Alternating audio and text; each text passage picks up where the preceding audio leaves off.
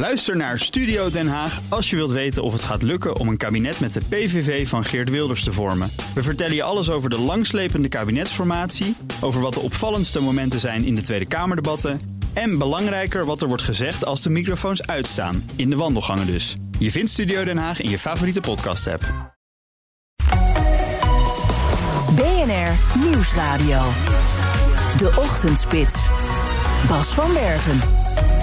Vier minuten over half zeven is het geworden. We trappen af op deze vrijdag 26 maart 2021. En de Friday Girl zit weer naast met Nina van der Dungen. Goedemorgen. Een hele goede morgen. Het is weer fijn vrijdag. En er is genoeg nieuws. Nou, dat begon gisteren allemaal. Nadat er foto's uitlekten met daarop de notities... van Kaatje Ollongren op weg naar huis met corona. Maar misschien was het ook wel heel goed dat ze op weg naar huis ging met corona... als je dat soort dingen opschrijft. Zowel Mark Rutte als Sigrid Kaag hebben niet met ex-verkenners... Ollongren en Joritsma gesproken... over de functie van Pieter Omtzigt. Rutte heeft geen idee hoe de positie van Omzicht in die gelekte notities van de voormalige verkenners terecht kwam. Zei die gisteravond bij RTL en NOS. Dat weet ik niet. Maar goed, uh, ik kan u alleen zeggen wat ik gedaan heb. Gaat iemand van het kabinet daar nog verantwoording voor afleggen? Of mevrouw Ollongren is nog minister? Nee, mevrouw Ollongren was daar als verkenner. En dat is nu gestopt. Gaat een verkenner daar nog verantwoording over leggen? Gaat iemand daar verantwoording over leggen? Nee, ze hebben een verkenners in opdracht van de Kamer. Dat is gestopt en zijn nieuwe verkenners. Ja, en die doen dat ze voor schone lei is en die kunnen daar ook niks over vertellen. Dus niemand gaat daar uitleg over geven. Nee, dat kan nog niet. Nee, dat gaat niet. Ik kan u alleen zeggen dat uh, het is heel vervelend wat hier gebeurd is. Ik kan u alleen, wil alleen wel duidelijk maken dat ik, uh, nog mevrouw Kaag, ik heb haar dat gevraagd. Ze zegt, nou zegt het ook meteen tegen de media als je ze vanavond ziet. Dat wij er in ieder geval niet over begonnen zijn. Ja, verder weet ik het niet. Nou, mooi drama op Binnenhof. De pijnlijke notities onder de arm van voormalig verkenner Ollongren. En uh, ja, de functie elders van Pieter Omtzigt, dat is vervelend, zei Kamervoorzitter Khadija Riep gisteren. Ja, een vervelende dag en uh, het verdient geen schoonheidsprijs. Maar goed, we moeten gewoon verder. Verkenners moeten gewoon weer uh, kijken waar, ze, waar de vorige verkenners zijn gebleven. En die moeten ook gesprekken gaan voeren, denk ik. Ja, wat had het chic geweest als onze premier had gezegd... onze scheidende premier wel te verstaan. Ja, over omzicht, nou ja, zijn discussie staat überhaupt niet, uh, niet ter discussie. Zijn positie. Mm -hmm. Zijn positie ook Ja. niet. Sofie van Leeuwen is ons, bij ons, onze Haagse politiek verslaggever. Ja, Rutte met een ontkenning uh, van we hebben het er niet over gehad. Wat vind je daarvan, Ja. Sofie? Ja, hij kan niet anders dan, dan dit zeggen natuurlijk. Van, eh, eh, we hebben het er niet over gehad, want Rutte die wil gewoon door. Die, die hoopt gewoon dat hij nu heel snel door kan met die formatie. En dit is natuurlijk zo schadelijk. Eh, schadelijk natuurlijk ook voor, voor het CDA. En hij heeft het CDA keihard nodig. Dus ja, Rutte die zegt... Ik heb niks gezegd. Kaag van D66 heeft niks gezegd over omzicht. Uh, ook al de suggestie dat hij van hem zou af willen. Want we weten natuurlijk dat hè, Omtzigt is de man die, hem, die de premier altijd aan heeft gevallen op de Rutte-doctrine. Dat zit ook niet helemaal lekker. Nee. Maar het klopt dus niet dat het van de VVD komt. Hè. Daar werd gisteren nogal wat over gespeculeerd in de wandelgangen. Het komt ook niet van D66.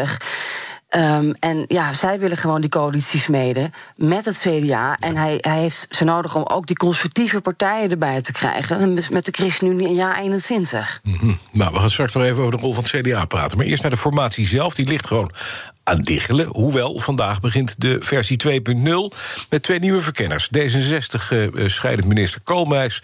en de scheidende minister van de VVD-zijde... Tamara van Ark in de hoofdrol. Helemaal opnieuw. Het is een bijzondere dag, een rare dag. Ja. Maar uh, mevrouw Ariep heeft ons nu uitgenodigd, dus wij, wij komen. Ja. En uh, we gaan eerst naar mevrouw Ariep luisteren. En dus gaan ze met alle 17 fractievoorzitters weer praten? Ja, ze gaan helemaal overnieuw beginnen. Ja, ongelooflijk is het. En ja, eigenlijk is dat ook wel best lastig, want de linkse oppositie zit in quarantaine. En nou, Seger zit in quarantaine, uh, Volt, Wilders ook nog. Want na de kleine corona-uitbraak op Binnenhof moeten er ook mensen getest worden. Dus het idee is dat ze vandaag gaan beginnen. Nou, misschien kan dat dan wel met de VVD en met D66, de twee grootste partijen, dat die gewoon weer aftrappen. En misschien kunnen ze nog over rechts, uh, want Eertmans die gaat pas over vijf dagen getest worden, Forum test helemaal niet. Dus wie weet kunnen ze daar een beginnetje mee maken. Maar uh, ja, ze, ze, ze, willen dus het vertrouwen herstellen. Hè? Ja. Koolmees en Van Ark zijn razendsnel ingevlogen. Um, en eigenlijk zegt Koolmees, ik, ik wil die mensen ook recht in de ogen kunnen kijken. Mhm. We gaan niet over Zoom, we gaan gewoon in de stadhouderskamer fysiek die formatie helemaal opnieuw beginnen. Is het niet een beetje gek, Sofie, dat de ene fractieleider wel in quarantaine gaat, terwijl dat dan volgens de regels niet zou hoeven, en, en, en daarna en, en de rest niet? Het gekke is op het Binnenhof, hè, dat is de plek waar wij tegen iedereen zeggen: werk thuis, werk thuis, werk thuis. Nou, wat hebben wij het afgelopen jaar gedaan met z'n allen? Ja, We hebben niet thuis gewerkt. Er is Ja. gewoon gedebatteerd, eh, vergaderd, ook tussen de ministers op afstand. Dus die mores op het Binnenhof is, ja, is, is een beetje gek natuurlijk. En daar kwamen we gisteren ook wel achter eh, dat het een heel slecht beeld geeft. En zelfs nu, na alles wat er gebeurd is, zegt men: we willen in die zaal met elkaar zitten. Eh, ook misschien vanwege de veiligheid. De ministerraad gaat trouwens wel digitaal. Ja. Dus Ja. dat Nu gaat vanaf wel. nu wel even anders. Maar ja, nu ineens het al, wel. Heel, hij vindt het wel heel belangrijk, Koolmees, als een van de verkenners... om het helemaal fysiek te doen. Hij zei dit. Mijn ervaring, ik heb hier vier jaar geleden ook eh, eh, regelmatig in en, in, en, en uitgelopen... is dat eh, een soort gevoelige, vertrouwelijke gesprekken... dat je ook mensen ook echt wel in de ogen moet kunnen kijken... over met wie wil met wie samenwerken. Dat dat onder randvoorwaarden hier ook eh, kan plaatsvinden. Want binnen is alles op anderhalve meter. Is alles met, met, met schermen, met mondkapjes en eh, met voldoende ruimte. En ja, de aard van dit soort gesprekken is natuurlijk wel zo gevoelig... eh, dat, dat ook wel die, die, die, die fysieke oogcontact vereist eigenlijk. Ja, het is zo gevoelig dat je dat eigenlijk gewoon niet op Zoom kan doen. Dan denk ik, ja, wat ga je dan bespreken? Mogelijk de functie van Pieter Omtzigt? Ja, precies. Zouden we het daar dan wel weer over gaan hebben. Maar dat werd ook gisteren wel duidelijk. En uh, Riep zei dat ook. Dit soort gesprekken horen helemaal niet in de verkennende fase. We zijn net begonnen. We, we hebben net verkiezingen gehad. We moeten het over de inhoud hebben. En op welke punten eh, die partijen elkaar kunnen vinden. Ja, niet over poppetjes. Dus, uh, het moet niet gaan over de baan van uh, minister Wopke Hoekstra... die misschien toch wel graag wil terugkeren op financiën. En het moet zeker niet gaan over Pieter Omtzigt. Als je het daarover zou hebben over de baan van Hoekstra... is dat voor later in de formatie, helemaal in de eindfase. Dat, dat kwam uh, ook van Hoekstra gisteren, die echt woest reageerde. Dus de, de mensen om hem heen, die waren echt wel heel erg kwaad toen dit naar buiten kwam allemaal. Dat begrijp ik. Ja, er is wel wat, wel wat kapot. Hè? Wat doet het CDA? Want die hebben dit, dit, zien dit ook gebeuren. Er was ook sprake de afgelopen dagen van een fluistercampagne... die zou, worden, zou zijn gestart vanuit het, het, het, het, het politieke Haagse. Maar wat zegt het CDA over dit verhaal? Een, een briefje van Ollongren waarop staat... functie elders, Pieter Omtzigt. Ja, ik kreeg gisteravond nog een brief in mijn mail ja. uh, van het CDA... En, en daarin zeggen ze, nou, dit is echt schokkend wat hier is gebeurd. En uh, ik hoor in de wandelgangen ook, daar ben ik geweest... kom niet aan omzicht. Dus uh, ze zeggen echt, wij staan vierkant achter die man. Uh, hij moet even uitrusten, hij heeft hard gewerkt. ja, hij is een beetje ziek op dit moment. Maar wij willen echt niet van hem af. Dus dat functie elders komt niet van het CDA. Maar dat hele beeld gisteren bevestigde natuurlijk wel die geruchten van een verdeelde partij. En wat moeten we met die man? Want hij is best wel ingewikkeld om mee samen te werken. Mm -hmm. En moet hij dan fractievoorzitter worden? Ja, die vraag is natuurlijk nog niet beantwoord. Nee. En de partij zegt. Dat ligt aan omzicht. Hij moet zich weer melden als hij beter is. Maar laat hem alsjeblieft even met rust. Maar waar komt dan die opmerking op die notitie van Ollongren vandaan, Sofie? Dat is natuurlijk de vraag. Hè? Komt die dan ja. van, van, van het CDA? Nou, die ontkennen dus. D66, iedereen ontkent. Zelfs de premier ontkent. Maar van wie komt ja. het? Nou, ik hoor in de, in de wandelgang dat er gedacht wordt... dit zou wel eens een ambtelijke notitie kunnen zijn. Hm. Voorbereid hè, op het ministerie van Algemene Zaken. Dat is ook wel oh. weer... Ja, interessant, want dat is het ministerie ja, van, van Mark Rutte. Ja. Um, dit, dit, dit zou dus kunnen zijn uh, een voorbereiding van mensen die, die denken... we gaan die gesprekken eens eventjes, nou ja, uh, van bekijken wat de mogelijkheden zijn. En dat geven we mee aan mevrouw Jorisma en Ollongren. Hm. Het kan natuurlijk ook nog zo zijn dat de verkenners dit zelf even hebben opgetekend... en dat het in hun hoofdjes zat. Maar um, nou ja, we vroegen Van Arken ook nog even naar... en ja, die zegt eigenlijk, joh, jongens, laten we alsjeblieft gewoon dat gebroken vertrouwen gaan herstellen. En laat die notities zitten, gooi ze in de prullenbak. Ja, ik denk dat wat er vandaag is gebeurd, dat is gewoon echt heel vervelend. En uh, nou ja, daar kan je uh, heel veel dingen over zeggen, maar laat ik, het, uh, laat ik dat zeggen. En we willen daarom ook graag een nieuwe start maken. Want we hebben natuurlijk ook de reacties gezien van de fractievoorzitters. Dus ook de reden dat we ze graag weer uitnodigen. We willen het er graag over hebben, maar ook echt een nieuwe start maken... en met die verkenning aan de slag gaan. Dat zei Tamara van Arken. Sophie, we hoorden Rutte eerder zeggen dat er geen verantwoording zal worden afgelegd. Maar er zijn genoeg partijen die een debat willen. Dus wat, wat gaat er dan gebeuren? Wie gaat, dat, wie gaat er vragen beantwoorden? Ja, interessant hè. Nou ja, dat debat eh, dat wordt aangevraagd. De oppositie wil dat. Volgende week. Er zal eigenlijk gedebatteerd worden over, hè, over het rapport, het eindrapport van de verkenners. Maar ja, dat rapport is natuurlijk nog niet af volgende week, want we beginnen weer helemaal opnieuw. Dus uh, ja, een debat. Maar de vraag is inderdaad met wie dan? Uh, want Ollongren die was er als verkenner en niet als minister. Of, moet het dan met Mark Rutte? Nou, dat is nog niet helemaal duidelijk. Ik hoop dat we daar vandaag meer over gaan horen. Maar Iedereen wil natuurlijk weten wie heeft die notitie geschreven. Waren dat inderdaad de ambtenaren? He, komt het toch van het ministerie van Rutte? En ja, dat, dat is iets wat eigenlijk wel uh, wat uitgezocht zou moeten worden natuurlijk. Ja, wat zou dit kunnen betekenen voor een formatie? Nou, dat het extra tijd gaat kosten. Ja, dat sowieso. Maar zou dat nog kunnen tippen? Zou je nog kunnen kijken van nou, in die partijen, daar ligt het toch niet lekker. We gaan toch kijken of we naar de linkerkant kunnen iets. Uh, ja, ik, ik, ik, heb de suggestie ook bij links al geparkeerd van... goh, als het CDA nou afhaakt, dat is misschien goed voor jullie... want dan moet Rutte wel over links. Maar wat ik toch wel hoor in die wandelgangen is dat er wel hoop is dat het CDA uiteindelijk een beetje bijdraait en, en over zijn hart zal strijken. En nou, we schuiven toch weer aan. Ja. Uh, in vertrouwen met de VVD en D66. Dat is toch wel een scenario waar iedereen nog wel echt rekening mee houdt. Het stond ook op dat blaadje hè, van het tweede gesprek met Wopke Hoekstra. Dat was eigenlijk al in de planning in het hoofdje van de ambtenaren of Alongeren.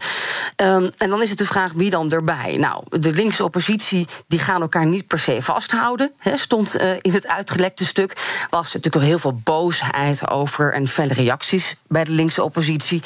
Maar als je dan weer goed luistert, dan, dan zegt bijvoorbeeld een GroenLinks: wij willen een zo progressief mogelijk kabinet. Nou, is dat dan met een progressieve partij als D66 erbij. Precies, ja. Zonder die andere linkse partijen. Ja. Daar zijn ze eigenlijk niet heel duidelijk over. Dus ik zie daar nog wel wat mogelijkheden. En dat moet natuurlijk gewoon ja, uh, van start gaan volgende week. Ja. Um, en dan zullen we zien of dat nou ja, dit keer wel vlekkeloos verloopt. En dat er dan een rapportje ligt volgende week of die week daarna. Hm. En dat die formatie dan echt, echt kan beginnen. Ja, en of het vertrouwen hersteld is, uh, Sophie? Nou, nou, ja, nou. dit heeft een deuk opgeleverd. Maar Zo, misschien moeten we Pieter Omtzigt even bellen en vragen of ja, hij heb ik gisteren, uh, ik ons heb, nog vertrouwt. Ik heb gisteren geprobeerd en gezegd: je mag bij ons een half uur aanschuiven om uh, deze geruchten stromen te weerleggen. En hij reageert niet. Kan ik me ook wel voorstellen. Dat hij even denkt: van weet je wat, we laten de storm overwaaien. Daarna dan pakken we de draad weer op. Ik hoop dat het hem goed gaat. Laten we dat stellen. Sophie van Leeuwen, dankjewel. Ja. Bij dat 12 van AWB, het is 14 minuten voor 7. Hoe staat het erbij? Op de meeste plaatsen gaat het goed. We zien één uitzondering, de A15 naar Europoort. Daar rijdt het langzaam tussen Rotterdam-Charloes en Rozenburg... over 10 kilometer met een kwartier vertraging. Er staat een flitser op de A15 Nijmegen-Rotterdam bij 98,7. Ja, en dan is het... Uh... 14 minuten voor 7 houden we goed afstand in de supermarkt. Nou, dat onderzoekt Smart Distance Lab. Samen met onderzoekers van de Universiteit van Amsterdam. Winkelende klanten die krijgen een sensor. En zo wordt er geëxperimenteerd met bijvoorbeeld stickers en een verplichte looproute. Echt een soort field lab experiment toch, Tessa Blanke, onderzoeker aan de UvA? Goedemorgen. Uh, ja, in, in die zin is het zeker een soort uh, veldonderzoek waarin we proberen in, uh, ja, in het veld te kijken hoe we bezoekers in dit geval kunnen helpen met het afstand houden. En ik denk eigenlijk, nu ik dit zo zeg, is dat is ook meteen een belangrijk verschil. Want wij binnen het Smart Distance Lab houden ons dus aan de anderhalve meter regel ja. en proberen binnen die kaders te helpen. Oké, okay. je krijgt een sensor mee als klant. Hoe werkt dat precies? Een dingetje wat je op je jas krijgt geplakt? Uh, ja, een, uh, een sensortje die je uh, draagt. En die bepaalt eigenlijk via ultra-wideband technologie de afstand ten opzichte van andere sensoren. En zo kunnen we dus achteraf kijken ja, hoe lang en hoe vaak mensen met elkaar in contact zijn geweest. En waarom werkt het beter dan gewoon vier waarnemers neerzetten die kijken of mensen anderhalve meter houden? Uh, nou, ten eerste denk ik dat we dus veel meer informatie hebben. Want het gaat niet alleen om het aantal contactmomenten. Dus wordt die anderhalve meter overschreden. Uh, maar ook uh, hoe lang dan. Dus mm -hmm. ik mhm. denk dat dat een belangrijke toegevoegde waarde is. En daarbij, ik heb me verbaasd, maar het is. Het is druk in de supermarkt, dus het lijkt me dat je met vier mensen er nog niet bent. Oké, okay, wat, wat, wat willen jullie bereiken met dit onderzoek? Kijken of mensen zich inderdaad goed aan de regels houden? Nou, ik denk eigenlijk dat de, de, de grootste motivatie voor ons is om uh, mensen ook te willen helpen. Dus we, nou, we moeten natuurlijk de basisregels, het afstand houden, die kennen we inmiddels. Mm -hmm. uh, maar de, sommige plekken, zeker zoals de supermarkt, zijn gewoon druk. Je moet er naartoe om je boodschap te doen. Dus je uh, kan het niet echt makkelijk vermijden. Maar mensen gaven wel aan dat ze het eigenlijk als onprettig konden ervaren om naar de supermarkt te gaan. Mm -hmm. En dat is eigenlijk onze drijfveer om te kijken, kunnen we die mensen op een positieve manier helpen? En dat gaat dan nu bijvoorbeeld om de supermarkt, maar je zou ook kunnen denken aan andere ruimten, zoals het openbaar vervoer of uh, zelfs op straat. Of uh, ja, als we allemaal weer iets meer mogen of meer naar buiten trekken, zijn er natuurlijk, uh, en we ons nog wel aan de basisregels moeten houden, zijn er heel veel mogelijkheden om te kijken hoe kunnen we mensen nou op een positieve manier helpen. Ja, maar dat, dat is toch lastig in de supermarkt. Dat als ik dan naar mezelf kijk en ik loop daar, manoeuvreer tussen al die karretjes door en die schappen, er is daar helemaal geen mogelijkheid om elkaar op anderhalve meter te passeren. Dus kijk, op straat heb ik daar veel mogelijkheden toe. Maar hoe, hoe zou je mij ja. kunnen helpen in de supermarkt om dat te bereiken? Nou, wat we bijvoorbeeld onder andere proberen is uh, dat uh, de verplichte winkelwagen die in veel supermarkten geldt, als eigenlijk een soort telsysteem om te controleren hoeveel mensen er binnen zijn, mm -hmm. dat we die op dit moment proberen los te laten. Nou, je kunt je voorstellen als mensen dus voor een kleinere boodschap gaan, niet de winkelwagen nodig hebben, dat dat ook wat ruimte scheelt in de supermarkt. En in plaats van die verplichte winkelwagen om de, om de telling bij te houden, hebben wij nu een stoplichtsysteem geïnstalleerd. Die telt eigenlijk hoeveel mensen er binnen zijn. En die geeft ook meteen feedback aan de bezoekers. Dus bij groen licht is het rustig in de supermarkt. Ja. Um, bij oranje licht worden mensen er even even op geattendeerd. Het is wat drukker, let wat beter op. En we hebben in uh, eerder onderzoek, in vorig jaar augustus in de Kromhouthal tijdens een kunstbeurs, hebben we ook gezien dat het attenderen van mensen op die regel en het even weer bewust worden en erbij helpen mm -hmm. op een vriendelijke manier, dat dat eigenlijk al heel goed helpt. Heel, heel. Mooi, dank Tessa Blanke, onderzoeker aan de UvA. Werkgeversorganisaties willen meer stageplekken vrijmaken door de regels te versoepelen. Daartoe roepen ze op in een brief in het AD vanmorgen.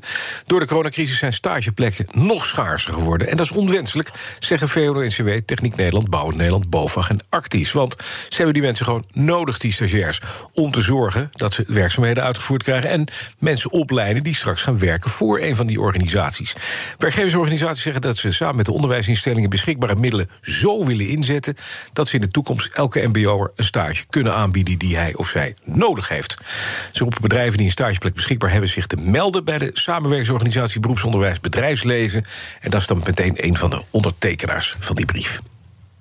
Dan een bericht in Trouw. Een pijnlijk bericht over de loonkloof tussen mannen en vrouwen op de arbeidsmarkt. Nou, Nina. Laten wij het er eens over hebben. nee hoor, mannen die vragen uh, om een loonsverhoging... die krijgen dat vaker toegekend dan vrouwen. Dat blijkt uit een enquête die het CNV heeft gedaan. Bijna 60% van de mannen die om zo'n loonsverhoging vroegen... die krijgen hem ook daadwerkelijk. En bij de vrouwen is dat ietsje meer dan 40 Mannen krijgen ook bij een goede beoordeling... twee keer zo vaak een loonsverhoging dan vrouwen. En ook worden uh, met mannen buiten de CAO om... drie keer zo vaak afspraken gemaakt over de beloning... als dat dat bij vrouwen gebeurt. Dus ja, zijn jullie nou gewoon betere onderhandelaars... of gunnen jullie elkaar wat meer? Ik uh, vraag het me af, ik zou het antwoord graag willen weten. En CNV roept nu zowel mannen als vrouwen op om open te zijn... over het loon dat ze krijgen. Want uit het onderzoek van de bond blijkt namelijk... dat minder dan de helft van de 3000 ondervraagden weet... hoeveel de naaste collega nou eigenlijk verdient. Ja. Ik weet het wel van jou. Ja. Weet jij het ook van mij? Ik weet het niet. Geen idee. Laten we dat straks eens even bespreken. Ik zou loonsverhoging vragen. Ja? Oké. Okay. Kans dat je het krijgt is 40 procent. BNR Nieuwsradio. De Ochtendspits. Ja, die 60. Het is toch raar eigenlijk, hè, Nina? Het slaat nergens op. Nee, het slaat nergens op.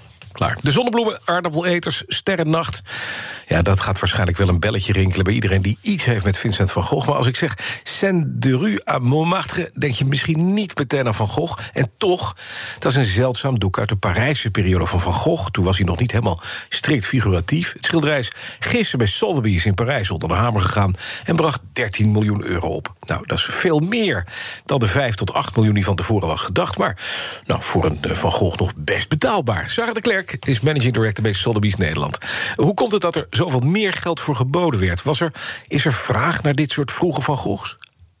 Nou ja, het is een heel uniek schilderij. En het schilderij was uh, 100 jaar uh, niet te zien geweest. Dus 100 jaar in één familie geweest die het ook nooit heeft uitgeleend. Dus zelfs mm-hmm. alle specialisten op het gebied van Van Gogh kenden het schilderij niet. En het is natuurlijk, Van Gogh, zijn oeuvre is heel goed in beeld. Dus het is precies bekend wat er nog van hem is... en wat er dan mogelijk nog op de markt komt. Dus ja. Het is heel zeldzaam en daar willen mensen voor betalen. Ja, en de- de- wie is er uiteindelijk de koper geworden? Is dat iemand uit ver, ver weg? Ja, dat kunnen we helaas nooit zeggen. zeggen? Nee. Nee, helaas Maar moeten we niet, dat in, in, in, in Saudi-Arabië, in Amerika of in Azië zien? Nou, ik kan zeggen dat eh, de, de, de beatstrijd, zoals dat heet, dat duurde ongeveer 10 minuten en was echt vanuit alle hoeken van de wereld. Dus er waren mensen aan de telefoon in New York, Parijs, Hongkong, Londen en online. Er werd online ook meegeboden. Dus ehm, ja, het kan overal zijn, maar wij doen daar helaas geen uitspraak over. Wa- wa- Waar komt het te hangen straks? Achter gesloten deuren of wordt het in een mooi museum tentoongesteld? Nou ja, wij hopen natuurlijk, we hoopten en, eh, dat het in een mooi museum terechtkomt, omdat het dan voor iedereen te zien is. Maar daar heb je natuurlijk met een veiling nooit eh, zeggenschap over. Dus, maar de meeste kopers van dit soort schilderijen zijn wel bereidwillig om het ook uit te lenen. Ehm, en, en nou ja, eh, kijk, als in de toekomst het museum. We weten in ieder geval nu waar het naartoe gaat. Dus als een museum het zou willen lenen, bijvoorbeeld, dan kunnen we contact leggen. Ja. Even naar het schilderij zelf. Het is een, ja, we, zien een, een- twee dames. Echt een beetje een soort boerenomgeving. Tot toen nog in Parijs aan de, aan de, aan de Rue Montmartre. Of een straatje in Montmartre. Bij de Moulin de la Galette. Wat, wat maakt het zo bijzonder, dit doek? Nou, het is heel bijzonder omdat Van Gogh nu dan net in Parijs woont, een jaar samen met zijn broer, die daar kunsthandelaar was. En hij eh, heeft natuurlijk, eh, wat u net zei, hè, de aardappeleters enzovoort. Dat was het palet wat hij had toen hij in Nederland en in België schilderde. En toen hij in Parijs aankwam, zag hij zoveel nieuwe kunststromingen. En trok hij op met Émile Barnard en Toulouse-Lautrec en, en, en Degas, dat soort kunstenaars. En die inspireerden hem enorm. En in dit schilderij zie je dat al die ontwikkelingen die hij om zich heen zag, dat hij die verwerkte. En dat hij zijn stijl gaat veranderen. En hij gaat hier kleur toepassen, hij gaat op een lichtere manier schilderen. En hij is echt aan het experimenteren. En dit is op weg naar de hele bekende schilderijen die hij later schildert. De laatste paar jaar van zijn leven. Het is een, het is een soort transitiedoek. Ja, het is een transitiedoek. Maar het is dus super boeiend omdat je echt Mhm. ziet hoe de kunstenaar werkt. Ja, hopen dat we het niet zoals eh, de afgelopen honderd jaar niet te zien krijgen... maar dat de nieuwe koper hem inderdaad ergens eh, gaat eh, afficheren. Zo fijn zijn. Ja, Sarah dat Klerk hopen wij. is, is managing Dank. director bij Sotheby's Nederland. Wil je een vaccin? Ja. Ga dan even naar de Balkan. Moet je naar de Balkan? Ja, perfect, want dat is eh, vaccintoerisme is daar eh, eh, in volle gang. Sommige Balkanlanden die gebruiken e- e- Europese vaccins, zal ik maar zeggen, Pfizer en BioNTech en zo. Maar Servië vertrouwt op China en Rusland en daar zijn heel veel vaccins over. Met een bizar fenomeen dus tot gevolg het vaccinatietoerisme. Mensen van buiten Servië die daar naartoe gaan speciaal om een prik te halen. Dat is een groot verhaal in de Volkskrant vanochtend. Servië zit zelf inmiddels op 20% van de bevolking die een vaccinatie heeft. Bijna 15% heeft op prik nummer 2 daar in de arm. En de ijskasten die liggen daar gewoon stapvol met eh, Sinovac en Sputnik. Ja. En als je daar dus naartoe gaat, krijg je zonder probleem een prik. De krant die sprak eh, een van de toeristen, dus een 36-jarige man uit Bosnië. Hij reed naar een eh, grensstadje. En hij zegt, je kan daar gewoon de grens over. Dan laat je je paspoort zien. Dan vink je de optie buitenlander zonder verblijfsvergunning aan. Dan vul je je paspoortnummer in en dan krijg je een afspraak en een prik. Het is ongelooflijk. Ja, ik ben geneigd om in de auto te stappen. En, en dus, maar is, daar komen inderdaad nu heel veel de toeristen op af. Eh, Heel denken, veel, "Ah, ja. Heel veel buitenlanders, zegt de directeur van een prikcentrum midden in Servië. Dan hebben we het bijvoorbeeld over gastarbeiders die al jaren in Duitsland of Italië werken. en die nu met hun families terugkeren, speciaal voor de prik. En ehm, ja, als hier iemand van 65 of ouder op de stoep staat en vraagt: Mag ik een vaccin? Dan is mijn antwoord: Kom maar binnen, zegt eh, die man. maar het lukte dus die 36-jarige uit Bosnië ook. Dus ik denk eh, meer kansen daar. Ja. Dan nog even deze. Look, up in the sky. It's a bird. It's a plane. Nee, het is geen Superman, maar we wisten de hele tijd niet wat het was. De Uma Muamua, Hawaiiaans voor verkenner. Eh, je weet misschien wat het nog was. Verscheen in 2017 ineens in de stratosfeer. Eh, iedereen dacht dat het ofwel puin was of een ruimteschip. En eigenlijk gewoon een ding wat door het zonnestelsel vloog. Een onbekend project. Maar wat was die lange, platte buis nou? Wat blijkt nu? We hebben er vier jaar over gedacht, maar we weten het nu. Het is een scherf stikstofijs die losgeslagen is van een dwergplaneet uit een ander zonnestelsel. Ja, dat was, eh de ding was vrij dichtbij, 33 miljoen kilometer van de aarde. Dan denk je, dat is best ver weg, dat is een eentje rijden. Maar dat is lekker dichtbij, zegt NRC vanmorgen. Die hebben het verhaal erover. Eh, eh, iedereen dacht dat het een interplanetair ruimteschip was, maar nee hoor, het is gewoon ijs. Jammer. Meer is het niet. Ja, was toch spectaculair geweest als we Ja. toch een eh buitenaards leven hebben gezien. Jammer van, eh, door, voor Harvard-astronoom Avi Loop. Die heeft een eh, boek erover geschreven, Est- Extraterrestrial. Maar dat kan de prullenbak in. Want eh, nogmaals, meneer Loop, het is ijs. Ijs, stikstof, ijs van de dwergplaneet Toedeledoki. BNR Nieuwsradio. De Ochtendspits. Bas van Werven. Zes minuten over zeven. Goedemorgen, het is vrijdag 26 maart. En op vrijdag, dat weet u, dan eh, zit ik altijd naast Nina van der Dungen. Goedemorgen. Een hele goede morgen. Ja, we gaan praten over medewerkers van zorginstellingen. Tientallen zorginstellingen. Die voelen zich door hun werkgever onder druk gezet om zich te laten vaccineren. Wat gebeurt die mensen allemaal, Nina? Ja, werkgevers die eh, schijnen te dreigen met eh, ontslag of het stopzetten van loon. En ze gebruiken daarbij ook echt emotionele chantage. Zo krijgt personeel dat zich niet laat inenten. Bijvoorbeeld de schuld van besmettingen die dan eh, gebeuren onder collega's of patiënten. Dat blijkt in elk geval uit gesprekken van BNR met vakbonden en bronnen in en rondom de zorg. Nou, we gaan praten met de voorzitter van CNV Zorg en Welzijn, Anneke Westerlaken. Mevrouw Westerlaken, goedemorgen. Hallo. Als het goed is, kunt u me horen. Mevrouw Westerlaken. Ja, ik hoor u hoor. Ja, Goedemorgen. gelukkig hoor ik u nu. Gelukkig ook. U, u zegt, eh, onze organisatie kreeg de afgelopen weken tientallen meldingen binnen.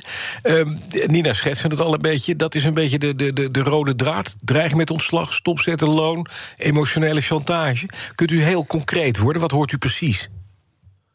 Ja, wij horen bijvoorbeeld dat er is gezegd: als je je niet laat vaccineren, dan krijg je je loon niet uitbetaald.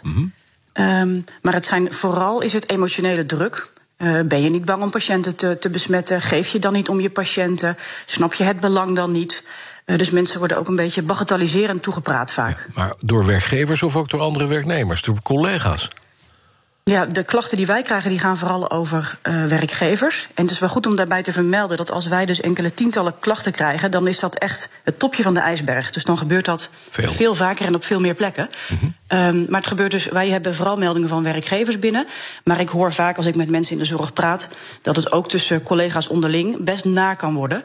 Ehm, onder het mom van ik vraag hoe jij erin staat, maar dat is dan eigenlijk geen vraag, maar meer een oordeel. Hè? Waarom vaccineer je niet? Begrijp je dan niet hoe belangrijk het is? Dus ook daar wordt wel druk uitgeoefend. Ja, die dreiging, hè, een werkgever die dreigt met korting op loon of later uitbetalen, dat mag niet. Hè. Dat is gewoon absoluut niet, eh, niet in vragen. Maar anderzijds, als werknemer voel je die druk wel. Je wil je baan niet op het spel zetten. Hè. Dus ga, hoe ga je ermee om?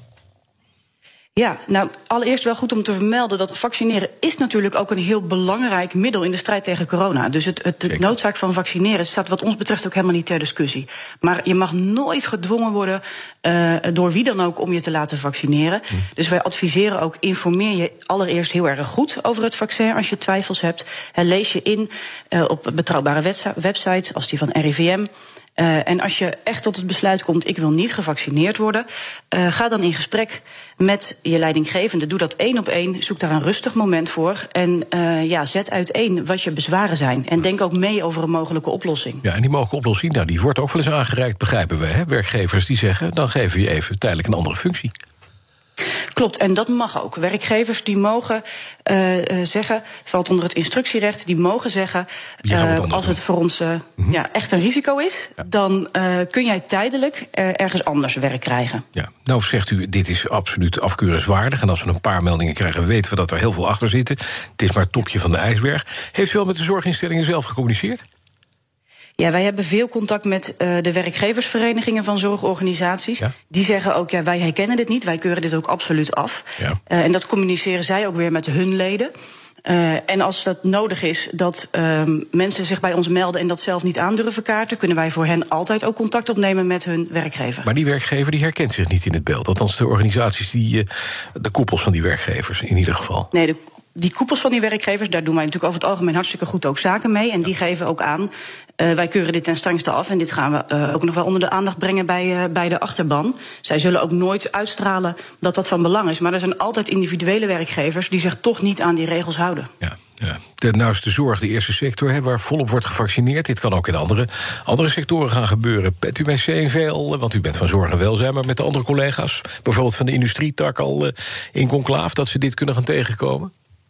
Ja, zeker. Wij hebben het ook over hè, hoe ga je nou om met testen, met vaccineren, met, met al die vragen die op ons afkomen. Uh, en het standpunt is altijd: vaccineren is superbelangrijk in onze strijd tegen corona, maar het mag nooit, worden verplicht. Duidelijk, dank u wel. Anneke Westerlaken, voorzitter van CV Zorg en Welzijn. We praten verder met Pascal Besselink, arbeidsjurist bij juridisch dienstverlener DAS, over hoe dit, uh, ja, dit, dit juridisch eigenlijk zit. Pascal, goedemorgen. Dag Bas, goedemorgen. Ja, dan wordt personeel, horen we net van Van Westerlaken, gechanteerd, onder druk gezet om zich te laten vaccineren. Bijvoorbeeld door te zeggen: ik kort je op je loon. Ja, dat mag niet, hè, volgens mij. Nee, nee, nee, nee, dat mag niet. Uh, in feite is er sprake van uh, een soort van drang. Hè? Uh, wat mevrouw Westerlaken zegt van ja, eh, er is geen verplichting om je te laten vaccineren. Dat is echt dwang. Maar je hebt ook nog zoiets als drang. En drang wil zeggen dat je je ja, uiteindelijk niet vrij acht om ja, de beslissing te nemen die je eigenlijk zou willen nemen. Omdat je werkgever ja, je in verschillende gradaties eh, ja, uh, onder druk zet om je uiteindelijk toch te laten vaccineren. En dat mag niet. En, en je mag daar als werkgever ook geen ja, consequenties aan verbinden in de vorm van het stopzetten van loon en laat staan ontslag. Want dat is wel heel ver gaan. Maar dwang, oké, okay, dat is heel duidelijk, overduidelijk. Drang, daar ligt nog wel een grijs gebied. Hè? Ik kan me ook voorstellen dat werkgevers zeggen, jongens, tegen alle andere werknemers, uh, ja, er zijn toch mensen die zich niet willen laten vaccineren. Zijn jullie daar wel blij mee? Dan zaai je natuurlijk toch ook wat, wat, wat, wat, wat, ja, wat ellende in de organisatie. Hè? Ja, nee, dat klopt. Ik bedoel, ja, die drang die zie je natuurlijk in verschillende, uh, uh, op verschillende wijzen. Ik bedoel, uh, het kan heel, heel direct worden gezegd. Hè. Er kan worden gezegd van, nou ja, als jij je niet laat vaccineren, ja, dan plaatsen we je over, of dan stoppen we het loon, of misschien ontslaan we je zelfs wel. Maar het kan ook bijvoorbeeld in de, in de bedrijfskantine tijdens, de, tijdens de lunch kan er bijvoorbeeld in een groepje worden gezegd, van, ja, wie laat zich eigenlijk vaccineren? Dus ja. dat kan natuurlijk ook al bij een werknemer als drang voelen. En ja. ja dat wordt eigenlijk ook al onder die categorie geschaard. Dus daar moet je als werkgever ook terughoudend mee omgaan. En wat mevrouw Westerlaken zegt van ja, dit soort gesprekken horen niet thuis, thuis in, in groepen. Dat moet gewoon individueel met uw medewerkers worden gevoerd. Precies. Maar dan kan ik me wel voorstellen, Pascal, dat hier onder de omstandigheden van het geval in deze zorgsector wat anders gekeken wordt naar zoiets dan in een andere, andere sector. Hier zijn gewoon ja. patiënten en eh, zorgmedewerkers. Je staat er in de first line of fire. Hè? En dat is natuurlijk wel het verhaal. Zou een rechter daar naar kijken ook? Als hij ja. kijkt, weegt of er dwang of drang is? Ja, nee, zeker. En, en dat, dat is ook helemaal terecht. Dat is ook helemaal waar. Uh, dat zie je ook in, in, in ja, alle, alle berichtgeving rond dit onderwerp terug. Hè. Ik bedoel, de zorg neemt in die zin een wat andere uh, positie in. Maar uh, ook de zorgwerkgever heeft zich gewoon te houden aan de arbeidsrechtelijke regels. En daar zijn natuurlijk situaties denkbaar waarbij een werkgever op, op een gegeven moment zegt van ja, deze medewerker die werkt op die afdeling. Ik heb daar een zorgplicht. Ik moet de werknemers daar beschermen, maar ik moet ook de patiënten beschermen. Nou, dan zou het kunnen zijn dat je dan uiteindelijk als werkgever ja, moet kijken naar een andere oplossing. Maar die andere oplossing is niet het, het, uh, het, het, het, het doordringen, het, het, blijven hameren op vaccineren. Ja. Nee, daar ga je het gesprek over aan. En gaat dat uiteindelijk niet, ja, dan kun je bijvoorbeeld denken aan een tijdelijke overplaatsing, zoals mevrouw Westerlaar ook al aangaf. Dus dan moet je meer in die oplossingssferen ja. denken. Maar dat de zorg een, een, een, speciale positie inneemt, dat is evident. Evident, dank. Pascal Besselink is arbeidsjurist bij DAS. En dan werkgeversorganisaties die willen meer stageplekken vrijmaken door de regels te versoepelen, Nina. Ja, dat schrijven ze in een open brief in het AD vanochtend. Door de coronacrisis zijn de stageplekken nog veel schaarser geworden. Dat zeggen uh, de VNO-NCW, Techniek Nederland, Bouw Nederland, BOVAG. Die zien dat allemaal en ze zeggen dat is zeer onwenselijk. Maar we kunnen wel een paar uh, dingetjes verzinnen om het uh, allemaal iets beter te maken. Bijvoorbeeld, het helpt als je de lengte van een stage kan aanpassen. Zo komt er weer meer ruimte voor begeleiding. En we kunnen kunnen MBO'ers die op een stage wachten ook weer wat sneller perspectief bieden, zeggen ze in een brief. Werkgeversorganisaties zeggen ook samen met onderwijsinstellingen de beschikbare middelen zo te willen inzetten dat we in de toekomst elke MBO'er een stage kunnen bieden. En ze roepen iedereen op die een stageplek beschikbaar heeft, meld je bij de samenwerkingsorganisatie Beroepsonderwijs Bedrijfsleven. En dan naar starters, want die steken zich steeds zwaarder in de schuld om überhaupt een hypotheek te krijgen, zegt de hypotheker vandaag in de Telegraaf. De huizenprijzen stegen, zoals je weet, vorig jaar met 9 procent. Maar de gemiddelde hypotheek voor jonge starters is twee keer zo sterk opgelopen. En die moeten dus gewoon vaak een duurder huis kopen. Afschaffing van de overdrachtsbelasting lijkt effect te hebben vanaf 1 januari.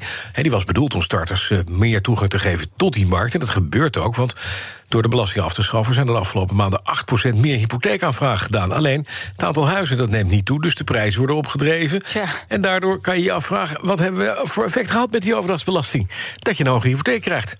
Starters in de randstad worden nog steeds buitenspel gezet vanwege de hoge huurprijzen. Wijnald Zwaan van AWB is bij ons 15 minuten over 7. Hoe staat het erbij, Wijnald? Er staat een kapotte vrachtwagen stil op de A12 Duitse grens richting Arnhem bij Zevenaar. En die veroorzaakt file vanaf de grens 3 kilometer met 10 minuten vertraging. De rechterrijstrook is dicht, maar voor de rest gaat het eigenlijk heel goed op de weg. Op de A1 Hengelo-Apeldoorn wordt geflitst bij hectometerpaal 118,1. Formule 1-update. Zondagmiddag 5 uur. Nina, zit je dan voor de buis? Nee. Nee? Als ik eerlijk ben, nee. Formule 1 gaat van start. Ja. In Bahrein. Ja. Ja. En Genoeg dus mensen die het wel leuk vinden. elke vrijdag voor en elke maandag na het raceweekend. Ja, onze eigen koning van het asfalt, Allard Kalf. Verslaggever van RTL GP, die weer bereidwillig eh, ons bijdraagt eh, in de LA mooie verhalen. Allard, goedemorgen. Wat fijn dat je er weer bent. Goedemorgen Bas, wat een mooie introductie hier zeg. Ja, dat, dat mag ook wel eventjes voor eh, de, de man die bij ons eh, elke, elke race komt vertellen hoe het gaat en, en hoe het ging. Ehm, en eindelijk, dat al die testsessies achter de rug, het is eindelijk weer voor het echi, hè?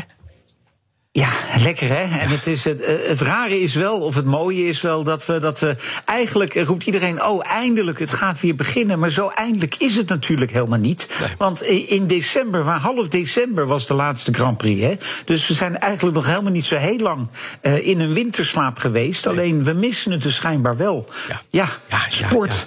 We missen het. En zeker de Formule 1. En, ja, en zeker wat er nu gebeuren gaat. Want er is mogelijk een reshuffle. Hè, want uiteraard, er wordt gekeken naar wat gaat Hamilton doen. Wat doet zijn Mercedes? Eh, eh, eh, het zag er allemaal in Barcelona niet zo geweldig uit. Red Bull wel, met die nieuwe Honda-motor. Maar het kan natuurlijk zijn dat Mercedes een beetje doet aan de verstoppertje spelen, hè? Nou, ik denk dat verstoppertje spelen, denk ik dat ze niet bewust gedaan hebben. Want ze hebben gewoon, als je zwart-wit kijkt, een hele slechte test gehad. He, ze hebben het minst aantal ronden gereden van allemaal. Eh, ze hebben de snelheid niet en de betrouwbaarheid niet. Ehm, maar, nou is het natuurlijk ook Mercedes. Het team is oppermachtig geweest de laatste jaren. Ik denk eh, dat ze absoluut nog steeds favoriet zijn voor de wereldtitel.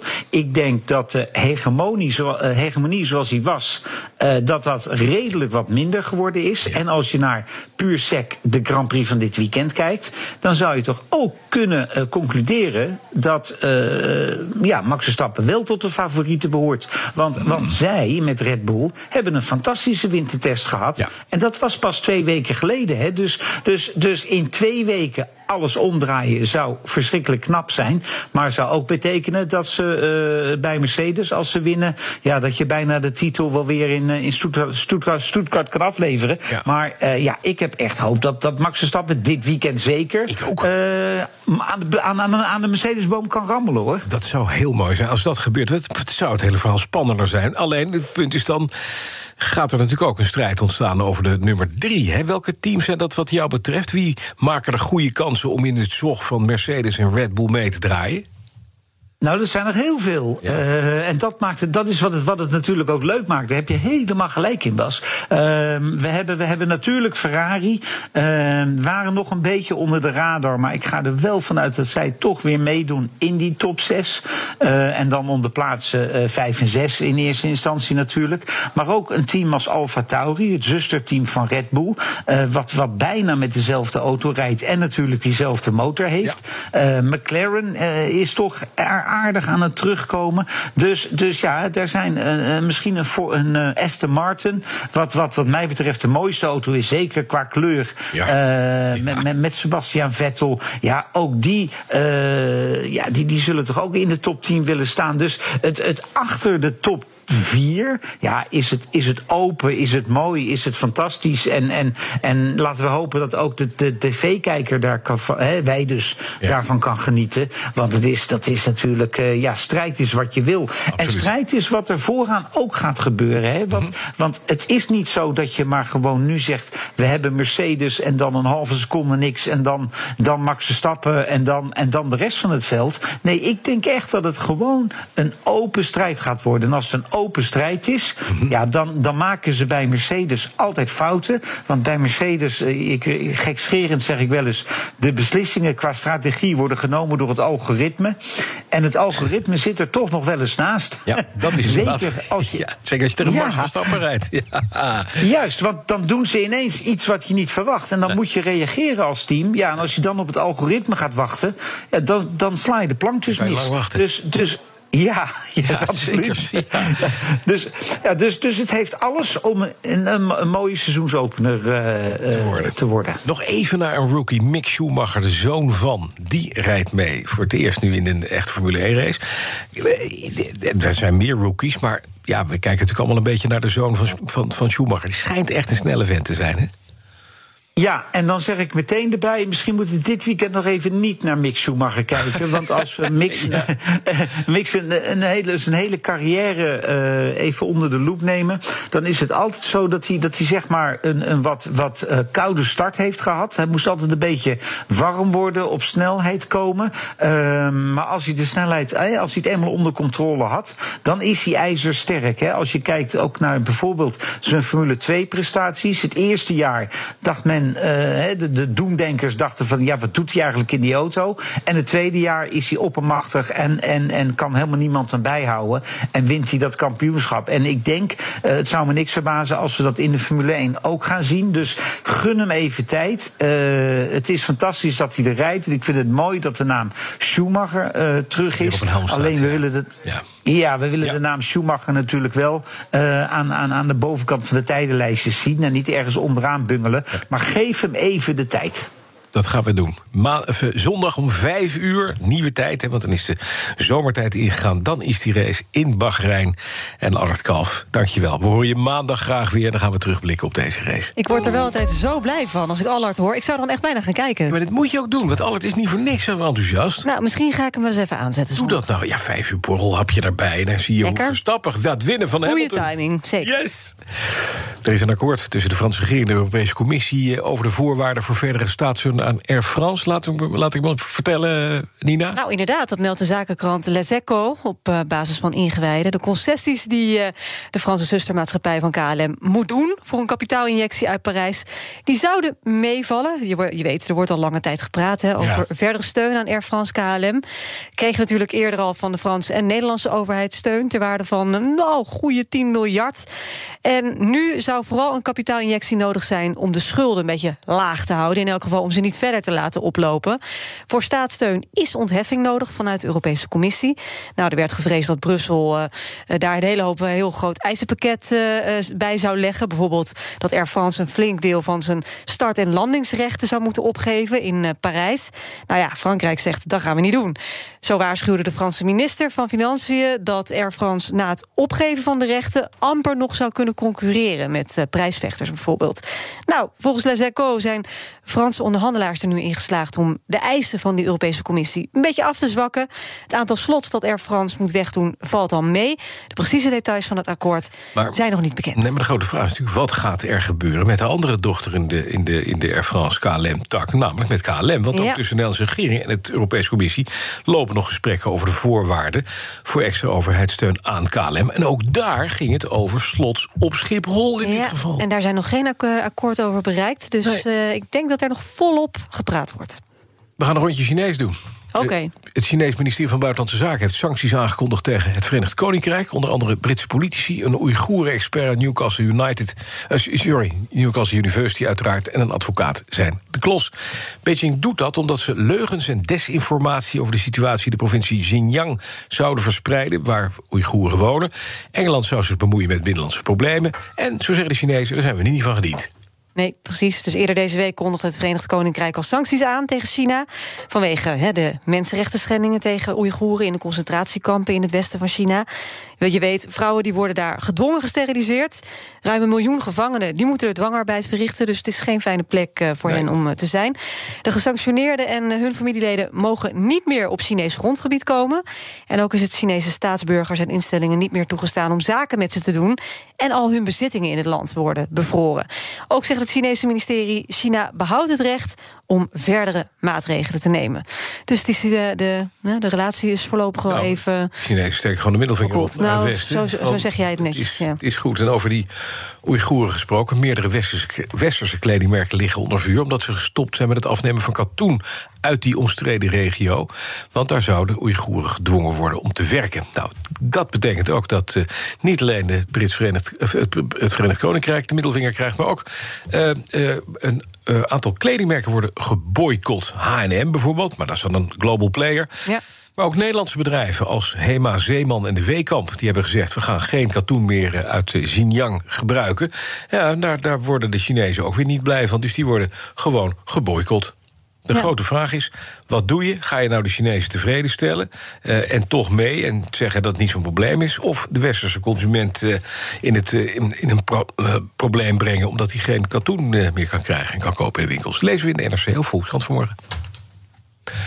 En dan nog eventjes naar de Rijksuniversiteit Groningen. Blijven even bij China. Die verlengt het contract met het Chinees Confucius Instituut niet. Nee, dat meldt uh, minister van Engelshoven, demissionair minister natuurlijk. Zij had uh, al eerder gezegd dat ze zich zorgen maakt over de Chinese invloed op de Rijksuniversiteit Groningen, op de universiteit. De Chinese instelling betaalt namelijk een deel van het salaris daar van de hoogleraar Chinese taal en cultuur.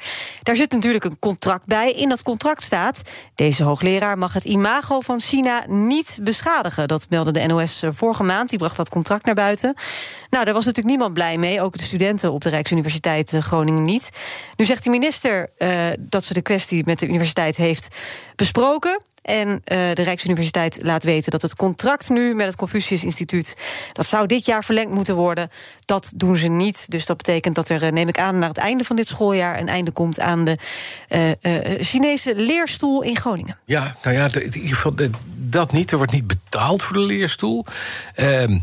Het besluit, zo zegt de Rijksuniversiteit Groningen... heeft geen gevolg voor het arbeidscontract van de hoogleraar. Ah, dus zij gaan gewoon het volledige salaris betalen. Ze dan, gaan gewoon van, het salaris betalen. Zodat het contract kan helemaal dat weg. De Chinezen weg kan duwen. Dat ja. er nog wel Chinese taal en cultuur wordt uh, uh, gedoseerd... aan de Rijksuniversiteit Groningen.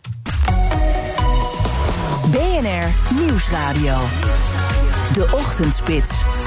Bas van Werven. Goedemorgen, vijf minuten over half acht. Ja, de spits begint langzaam te klimmen. Veel thuiswerkers op, Nina, dus die weten nu ook dat het vrijdag is. Lekker, hè? Lekker. Goedemorgen. Goedemorgen. De nieuwe verkenners Tamara van Ark van de VVD... en Wouter Koolmees van D66 gaan vandaag opnieuw aan de slag. Ja, echt opnieuw.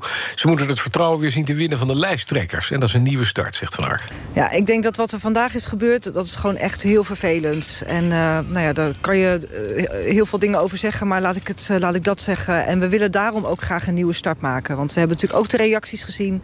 van de fractievoorzitters. is ook de reden dat we ze graag weer uitnodigen. We willen het er graag over hebben, maar ook echt een nieuwe start maken... en met die verkenning aan de slag gaan. Ja, waar doelt Tamara van Ark nou op? Op die uitgelekte notitie van Ollongren en Jorisma... die per ongeluk uh, openbaar werd. En er stonden allerlei hele nare dingen in. Met name over uh, Pieter Omtzigt, CDA Tweede Kamerlid... de nummer 2 op de kieslijst, 342.000 stemmen voorgekregen. En die werd even gezegd, functie elders stond er achter zijn, uh, achter zijn naam. Dat is natuurlijk niet handig. Om de lucht te klaren gaan Van Ark en Koolmees opnieuw beginnen... en met alle 17 lijsttrekkers praten. En dat doen ze het liefst toch face-to-face. Fysiek dus, niet digitaal, zegt Koolmees. Nou, binnen is de opstelling zo dat alles op anderhalve meter is. Dus dat we echt de afstand houden met elkaar. We hebben ook mondkapjes op. Maar dit soort gesprekken zijn wel belangrijk... die ook uh, uh, ja. fysiek uh, kunt voeren... maar toch ook vertrouwelijke gesprekken zijn. Dus vandaar ook dat we deze gesprekken zo doen. Maar wel binnen anderhalve meter met alle randvoorwaarden die daarvoor gelden. Ja, de aantekeningen, de aantekeningen die leiden tot boze reacties van de lijsttrekkers. Partij voor de Dieren, SP, PvdA en PVV... die willen een debat over de kwestie volgende week. En de leider van het CDA, Wopke Hoekstra, zei dat het vertrouwen heel erg is geschaad. Maar zowel Mark Rutte als Sigrid Kaag die ontkennen... dat ze hebben gesproken over de functie van Pieter Omtzigt. Ja, want uh, hij stond dus heel prominent op dat geheime lijstje aantekeningen. Pieter Omtzigt, functie elders.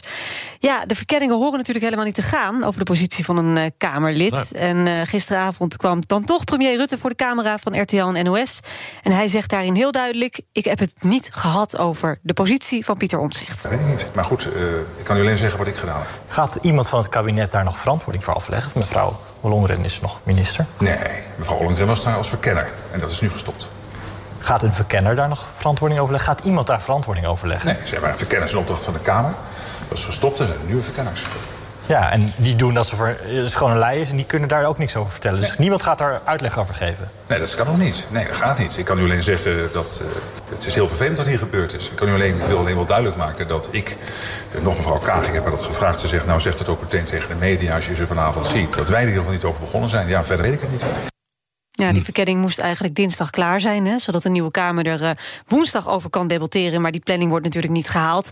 Koolmezen van Ark laten weten hoe de nieuwe planning eruit gaat zien. Dat doen ze komende dinsdag. En over een half uur hoor je politiek verslaggever Sophie van Leeuwen hier nog uitgebreid over. Ja, en dan een verhaal van het Financieel Dagblad, onze zusterkrant, over bedrijven die klimaatvriendelijke producten vanuit de EU naar minder duurzame regio's exporteren. Die bedrijven moeten financieel worden gecompenseerd, want zonder die exportsteun zijn hun duurzame innovaties niet concurrerend op de wereldmarkt, zeggen topmannen van Shell en van het Griekse Titan Cement tegen het FD. We erover met Matthijs Schiffers, onze man, eh, althans de man voor het FD in Europa. Matthijs, goedemorgen. Goedemorgen, Bas. Ja. Concreet, als Shell bijvoorbeeld duurzame waterstof vanuit de EU naar een ander continent exporteert, nou, noem maar eentje, Afrika, dan wil Shell daar extra geld voor krijgen, exportsteun. Maar hoe willen ze zo'n systeem optuigen? Hoe gaat het eruit zien? Ja, kijk, het is allemaal onderdeel van de, de, de, fameuze Green Deal van de Europese Unie. Hè. Dat ja. is het klimaat, klimaatplan om in 2050 de uitstoot van broeikasgassen netto naar nul gereduceerd te hebben. Nou, daar komt een hele trits aan wetten uh, die, die daarmee samenhangen. Die wordt een, uh, daar worden voorstellen voor gepubliceerd in juni. En eentje daarvan is de, de nu al fameuze CO2-grensheffing. Dat wil zeggen dat okay, bedrijven in Europa moeten betalen voor de uitstoot van CO2 als er producten van buiten Europa geïmporteerd worden. En in die landen waar die producten vandaan komen, hoef je niet te betalen voor CO2. Dan hebben die producten een concurrentievoordeel en dan zouden de Europese producten uh, geen kans meer hebben om te overleven. Nou, dat systeem, daar wordt aan gewerkt. En Shell en, en Titan die zeggen in dat interview dat we morgen publiceren, dat het systeem ook de andere kant op zou moeten werken. Dus als jij hier iets, iets, iets innovatiefs bedenkt dat inderdaad uh, klimaatvriendelijk is en je wil dat dat de wereld gaat veroveren, dan lukt dat niet als je daar moet gaan concurreren met producten die gewoon nog op de oude lees geschoeid zijn, uh, waar, waar geen innovatiekosten in zitten enzovoorts. Dus die zeggen, je moet dat eigenlijk, wil, wil, wil je dat bereiken, dan, dan zullen we de export, een, voor, een vorm van exportsteun zal er dan moeten zijn. Uh, wat natuurlijk heel gevoelig ligt, want het, het lijkt een beetje op protectionisme, et cetera. Mm -hmm. En dan komen de, de, regels van de Wereldhandelsorganisatie om de hoek kijken. Dus iedereen kijkt hier uh, met, met, veel argwaan naar. Uh, zij zeggen, zonder zo'n vorm van exportsteun hebben onze producten dus geen kans om de wereld eh, te veroveren. Ja, de, en nou komt dit inderdaad een oproep van, de, van Titan Cement en van Shell, dus van Ben van Beurden en zijn, en zijn collega. En ze spreken namens de lobbygroep European Roundtable. Is dat een grote club met belangrijke partijen die inderdaad wat, wat gewicht kunnen brengen aan deze discussie in Europa? Ja, zeker wel. Dat is een club van 58 uh, CEO's en voorzitters van grote multinationals. Shell zit er ook bij, uh, Heineken zit erbij. Um, nou, noem maar op, echt de grote bedrijven zitten ja. daarin. Dat zijn die, die, die topmannen en topvrouwen zitten daar op persoonlijke titel in. Maar ja, ze praten natuurlijk wel voor Namens bedrijven leiden. Tuurlijk. Ja. Nou, nou, het lijkt zo'n mechanisme als je dit ziet. Hè? Inderdaad, bij de grens het, het verliezen van een, uh, ja, van een stukje van je, van, je, van, je, van je prijs. Of eigenlijk steun die gegeven wordt, exportsteun.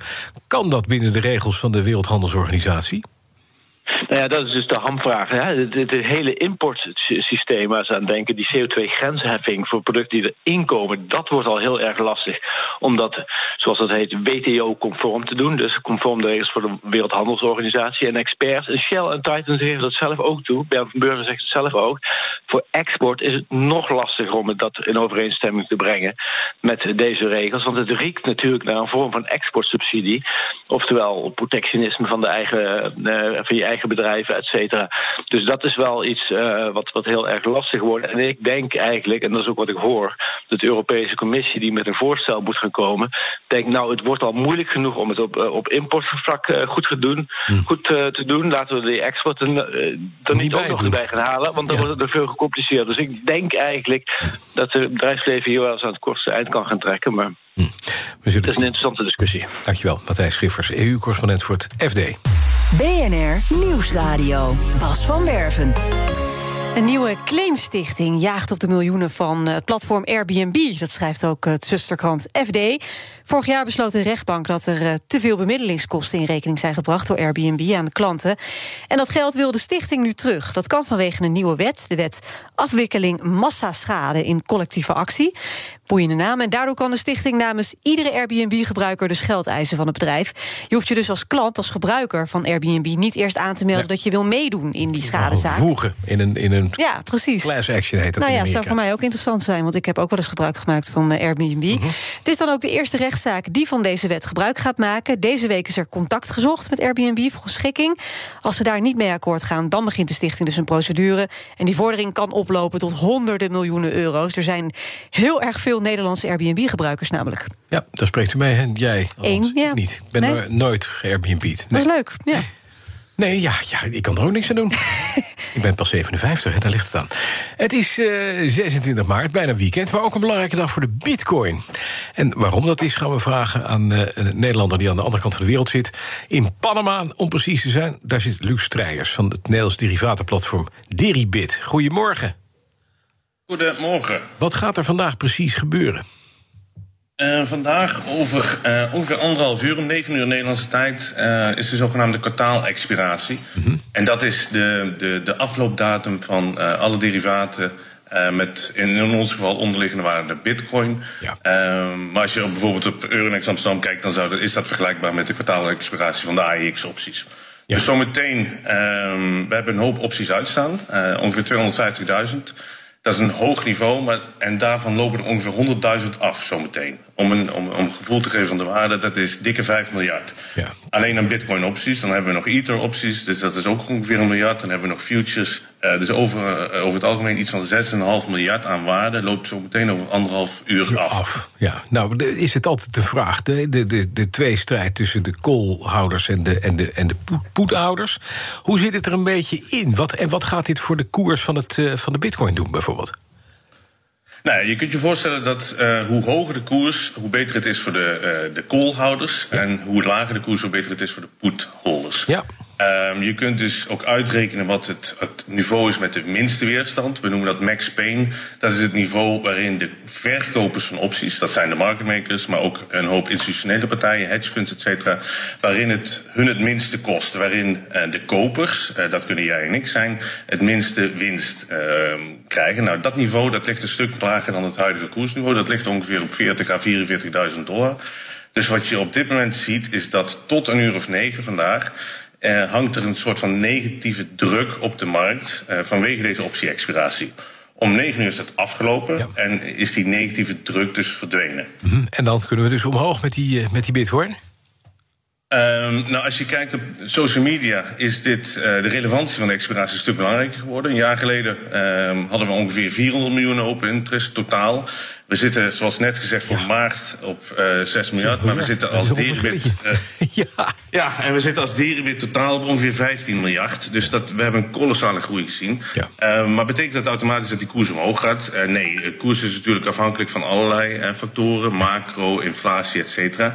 En dit is dus een, nou, een mandje van factoren. En een van die negatieve factoren is zometeen verdwenen.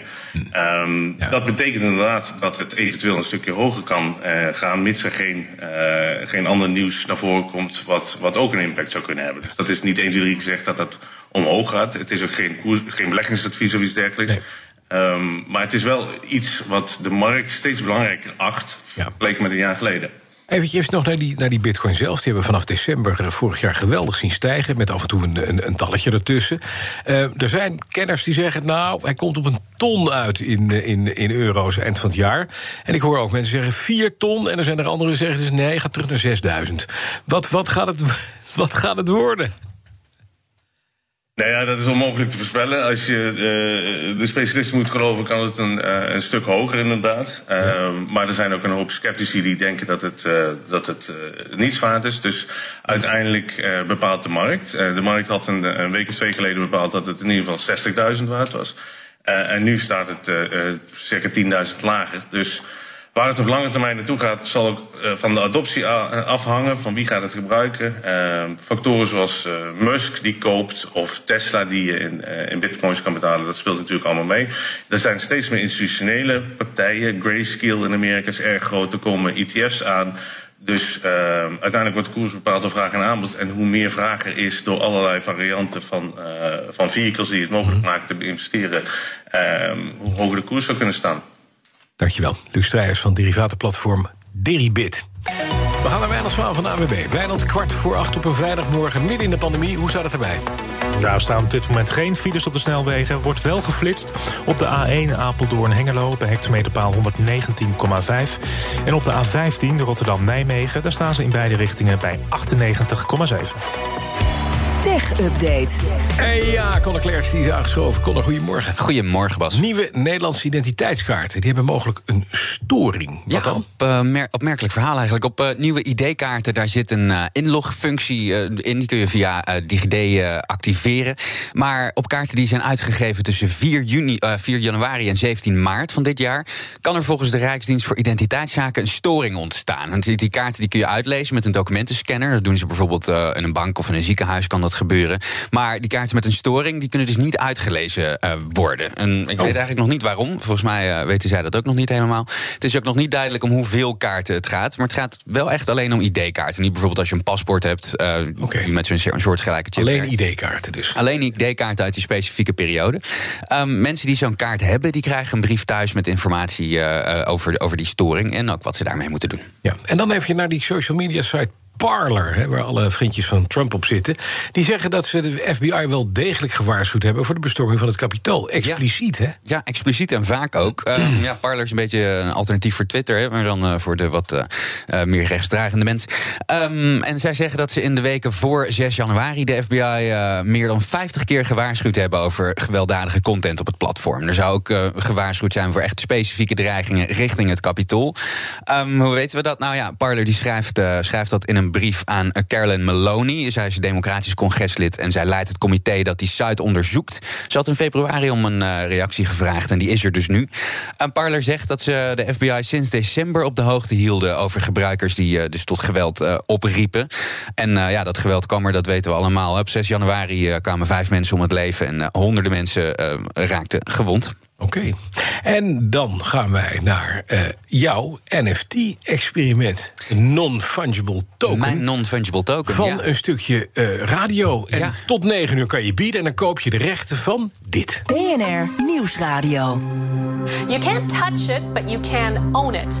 Told you you had to pay attention. So what exactly is an NFT? Now, NFT, NFT stands for non-fungible non token. Tokens are digital tokens that enable true ownership of any kind of digital asset that has been verified using blockchain technology. Whoa. So, Carl, a gold rush here, even though it's a little hard to explain what the gold is. De toekomst is hier. Ik had er ook meer van verwacht. Dit stukje radio is dus te koop als ja. NFT van Connor.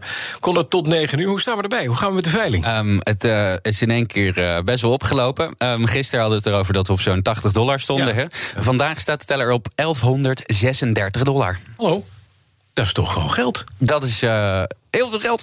Wie, wie, wie, heeft, wie heeft het geboden? Precies. Uh, dat weet ik niet. Het is, uh, oh. je, hoeft, je, hoeft, niet te zeggen bij, op, de, op, op um, voor een NFT uh, op, op deze veilingsite die ik gebruik, uh, OpenSea, maar ook ja, natuurlijk met crypto uh, aan zich, hoef je natuurlijk niet te zeggen wie je bent. Dus ik kan alleen zien dat ik zie alleen een code 99A693. Meneer of mevrouw 99A693 heeft dus 1100. Het is wel gegarandeerd. Hij kan zich niet om 9 uur terugtrekken alsnog.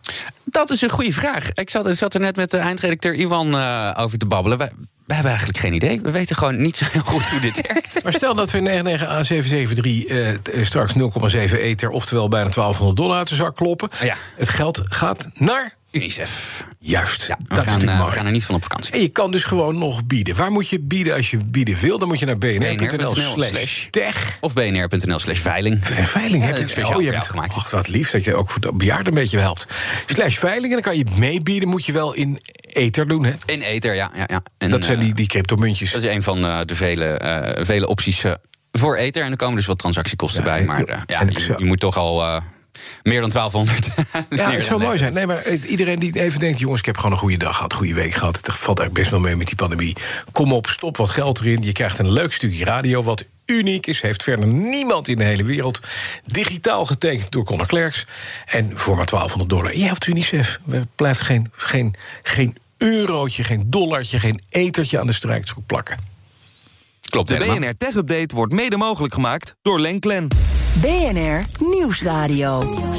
Zo'n 20% van de winkeliers wil stoppen met zijn zaak, zegt eh, in retail de brancheorganisatie. Maar de kosten zijn zo hoog dat ondernemers dat niet kunnen. Onder meer omdat ze bang zijn als iemand uh, ontslaan, toch nog, niet om economische omstandigheden, dat ze dan later even een transitievergoeding moeten betalen, schrijft het FD vandaag. Het gaat nu om de sector retail, maar in de horeca liggen de cijfers misschien nog wel hoger, zegt Hans Biesheuvel van ondernemersvereniging ONL. Hans, goedemorgen. Goedemorgen, Bas. Eerst even naar die cijfers. 20% wil dus stoppen. Uh, voor jou onverwacht? Nee hoor, dat herkennen we heel erg. Kijk, de moed is toch wel bij veel ondernemers in de schoenen gezakt de afgelopen tijd. Het duurt maar, duurt maar voort met die, uh, met die lockdown. Ja, en als je nu kermisondernemer bent en je weet eigenlijk dat nu je seizoen al verloren is... of je hebt een uh, strandtent en je denkt, nou, dat voorjaar had ik heel hard nodig om het toch te redden... en je hoort dat het nu niet doorgaat, ja, dan zijn er heel veel ondernemers... die willen toch een streep in het zand trekken en zeggen... ja, ik heb nu zoveel schulden opgebouwd, ik heb zoveel stress opgebouwd... Uh, ik houd gewoon niet meer vol, ik stop ermee. Ja, dat is duidelijk. Maar er zijn er ook wat ik al zei, mensen die niet kunnen stoppen. Eenvoudigweg omdat ze doodsbang zijn dat ze die transitievergoeding moeten betalen. Nou, sterker nog, die moet je ten alle tijde betalen. Kijk, ja. het, enige, het vervelende is van de wet werk en zekerheid. Die is in 2015 ingegaan uh, onder uh, bewind van Lodewijk Asscher. En in 2018 heb je dan de wet arbeidsmarkt en balans uh, gekregen. Die heeft nog een schepje bovenop gedaan. Ja. Dat betekent dat je voor alle werknemers ten alle tijden transitievergoeding moet betalen. Ja. Nou, dat is natuurlijk een heel mooi woord voor gewoon ontslagvergoeding. Ja. En uh, ja, als je de cash niet hebt, dus geen geld op je rekening hebt, ja, dan kan je hem gewoon niet betalen. En ja, daar zitten dus nu heel veel ondernemers mee. Die denken, ja, ik moet mijn kosten in lijn met mijn omzet brengen. Uh, vaak ook gedwongen door een financier of door de bank. Uh, nou, en dat lukt dan niet als je geen geld hebt om die transitievergoeding te betalen. Nee, dus dat is een heel, heel vervelend dilemma. En dan modder je dus door totdat de tent gewoon kapot gaat. Daar zit niemand op te wachten. Nee, want dan hebben we straks heel veel ongezonde bedrijven... Ja. Uh, die eigenlijk niet bedrijfseconomisch verantwoord uh, door kunnen. Ja.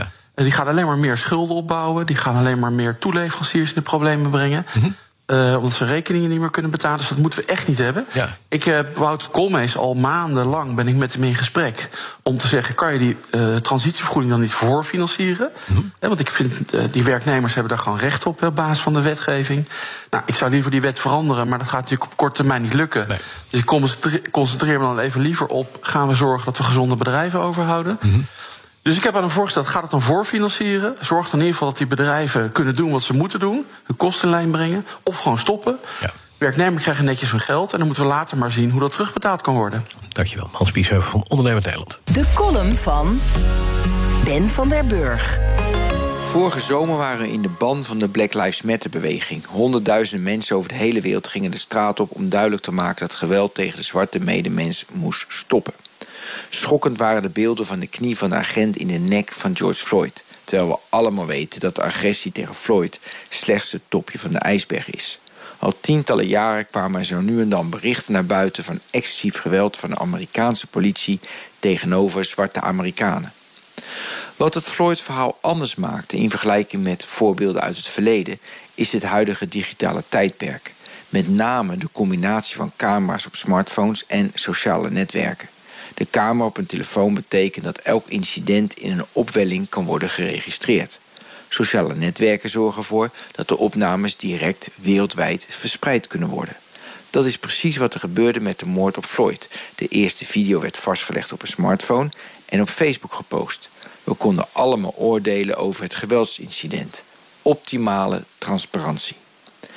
Toen schudde ons land op zijn grondvesten door een foto van Bart Maat van het ANP. Hij maakte de foto van Ollongrens aantekeningen.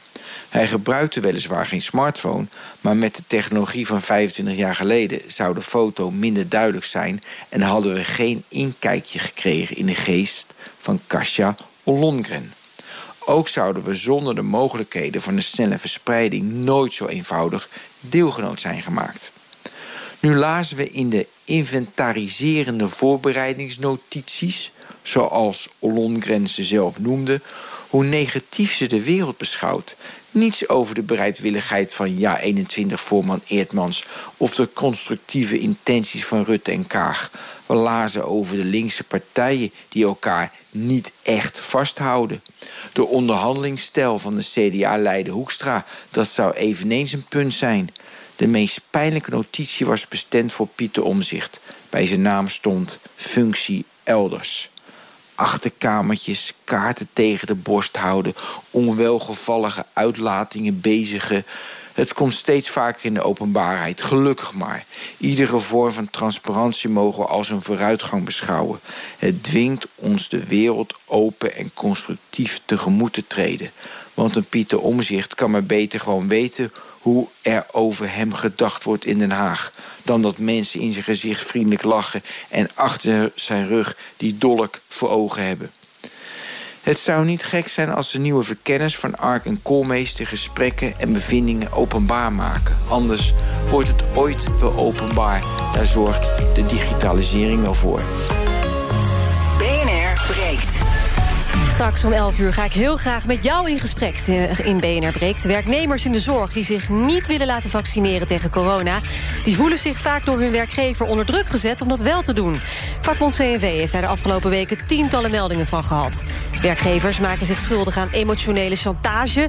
Ze dreigen zelfs met ontslag of het stopzetten van loon. Dwingen tot vaccinatie mag niet, maar ja... De zorg is wel een zeer gevoelige sector. Moet je daar, zeker als werknemer die werkt met patiënten... niet extra voorzichtig zijn? Ons breekijzer is daarom... werk je met patiënten, dan is een coronavaccinatie verplicht. Wat vind je? Moeten we dit wettelijk gaan regelen of gaat dit veel te ver? Om 11 uur kan je bellen 020 468 4x0. Tot die tijd kun je je reactie al doorsturen via bnr.nl slash whatsapp... of naar breekt.bnr.nl. Maar ik spreek je heel graag live om 11 uur. BNR Nieuwsradio. De Ochtendspits. Bas van Werven. Goedemorgen, 6 over 8. Het is vandaag vrijdag 26 maart. En naast me zit Nina van der Dungen. Nina. Goedemorgen. CDA eist opheldering van de verantwoordelijke ministeries over het nieuws van BNR... dat medewerkers van tientallen zorginstellingen... zich door hun werkgever onder druk gezet voelen... om zich laten te vaccineren. Gaan we over praten met CDA-Kamerlid Hilde Palland. Mevrouw Palland, goedemorgen. Goedemorgen. Voordat we beginnen over dit verhaal, wil ik u toch vragen uit de uitleg de aantekeningen gisteren van de oud-verkenner Kajsa Ollongren. Wordt gesproken van een functie elders voor omzicht. Voor uw eigen collega Pieter Omzicht, die ziek thuis zit. Wat vindt u daarvan? Ja, bizar. Um, wij wensen Pieter natuurlijk, die moet vooral nu even rust uh, krijgen en houden. Het is een fantastisch uh, Kamerlid, enorm gewaardeerd, niet alleen binnen onze eigen club, maar ook breed nog daarbuiten. Uh, en dat dan andere mensen gaan, gaan bedenken of hij niet elders een functie zou moeten krijgen, dat, dat kan natuurlijk op geen enkele wijze. Nee, en, en het punt heeft u heeft ook de verklaring van Rutte gehoord. Die zei: Ja, ik heb er niet over gepraat met Kaag. Ik hoor niet een premier die zegt: Wat verschrikkelijk zoals u dat een Kamerlid op die manier wordt, wordt afgeserveerd. Ja, nou, ik, ik heb die verklaring niet precies uh, meegekregen vanochtend ja. dan, denk ik, of, of gisteravond. Maar het kan gewoon natuurlijk uh, absoluut niet. Nee. Wat, nog eventjes, en dan gaan we weg door op het andere onderwerp. Nina? Nou, hij zegt, uh, Rutte zegt van, de, Kajsa Ollongren gaat zich niet verantwoorden. Hè? Dat, dat kan niet, want ze is geen minister. Zoals verkenner. Mm -hmm. Ze zit nu met corona thuis, maar en ze is dat geen gaat meer. niet. Ze gaat, ze gaat zich niet verantwoorden hiervoor. Vindt u dat dat wel moet gebeuren? Nou, daar gaan wij nog uh, met de fractie ook over spreken. Ik geloof dat een aantal andere uh, partijen ook al wel hebben aangegeven dat het wel goed zou zijn om met de verkenners daarover te, te spreken. Uh, en dat gaan wij ook nog met elkaar overwegen. Ja, een aantal partijen willen een debat, u ook? Nou, dat zeg ik net. Daar gaan wij met de fractie ook nog even over doorpraten. Ja. Duidelijk, duidelijk. Uh, dank u wel. Even naar het, naar het andere. Want uh, BNR kreeg uh, een, een, verhaal, eigenlijk middels de vakbonden... dat medewerkers van tientallen zorginstellingen... zich door een werkgever onder druk gezet voelen... om zich te laten vaccineren. U, u, bent er niet blij mee, hè, geloof ik ook, met dit verhaal, nee, als dat... het zo is. Precies, dat, dat kan natuurlijk niet. Uh, die, ik begrijp dat er signalen zijn, zowel bij vakbonden uh, als, uh, als ook nou ja, elders bij bijvoorbeeld via vertrouwenspersonen of, of wat dan ook. Ehm, en er is gewoon geen vaccinatieplicht. En er moet ook geen dwang of drang zijn voor mensen om um, zich genoodzaakt te voelen om die vaccinatie te zetten als je dat niet zou willen. Ik denk dat het verstandig is. We zien ook gelukkig dat de bereidheid om te vaccineren dat die heel groot en hoog is. Het is goed dat we daar goede informatie over delen. Maar er kan geen sprake zijn van dwang of drang. Ja, het gaat niet alleen om, om uh, dreigingen uh, met, met, met uh, laat betaald loon, maar ook emotionele chantage. Er wordt ook gezegd van ja, ja andere collega's doen het wel en, en, jullie niet. Dat is natuurlijk eigenlijk iets wat niet verboden is, maar wat ook niet zo fijn is hè, als je werkgever dat doet. Wat zouden we daarmee moeten doen? Nee, dat, dat, dat, is natuurlijk zeker uh, niet fijn. Het is ook moeilijk om daar de vinger, denk ik, achter te krijgen. Om precies op de werkvloer uh, achter, te achterhalen wat daar, waar er sprake van, uh, van is. Mm -hmm. Ik denk dat het heel erg van belang is dat werkgeversorganisaties zich hier bewust van zijn. Daar ook het gesprek over aangaan. hoe het precies zit. ook daar de grenzen van, van aangeven. En daar individueel eventueel met, met medewerkers die vragen hebben over de ja. vaccinatie. of daar afweging bij hebben. om daar het gesprek over aan te gaan.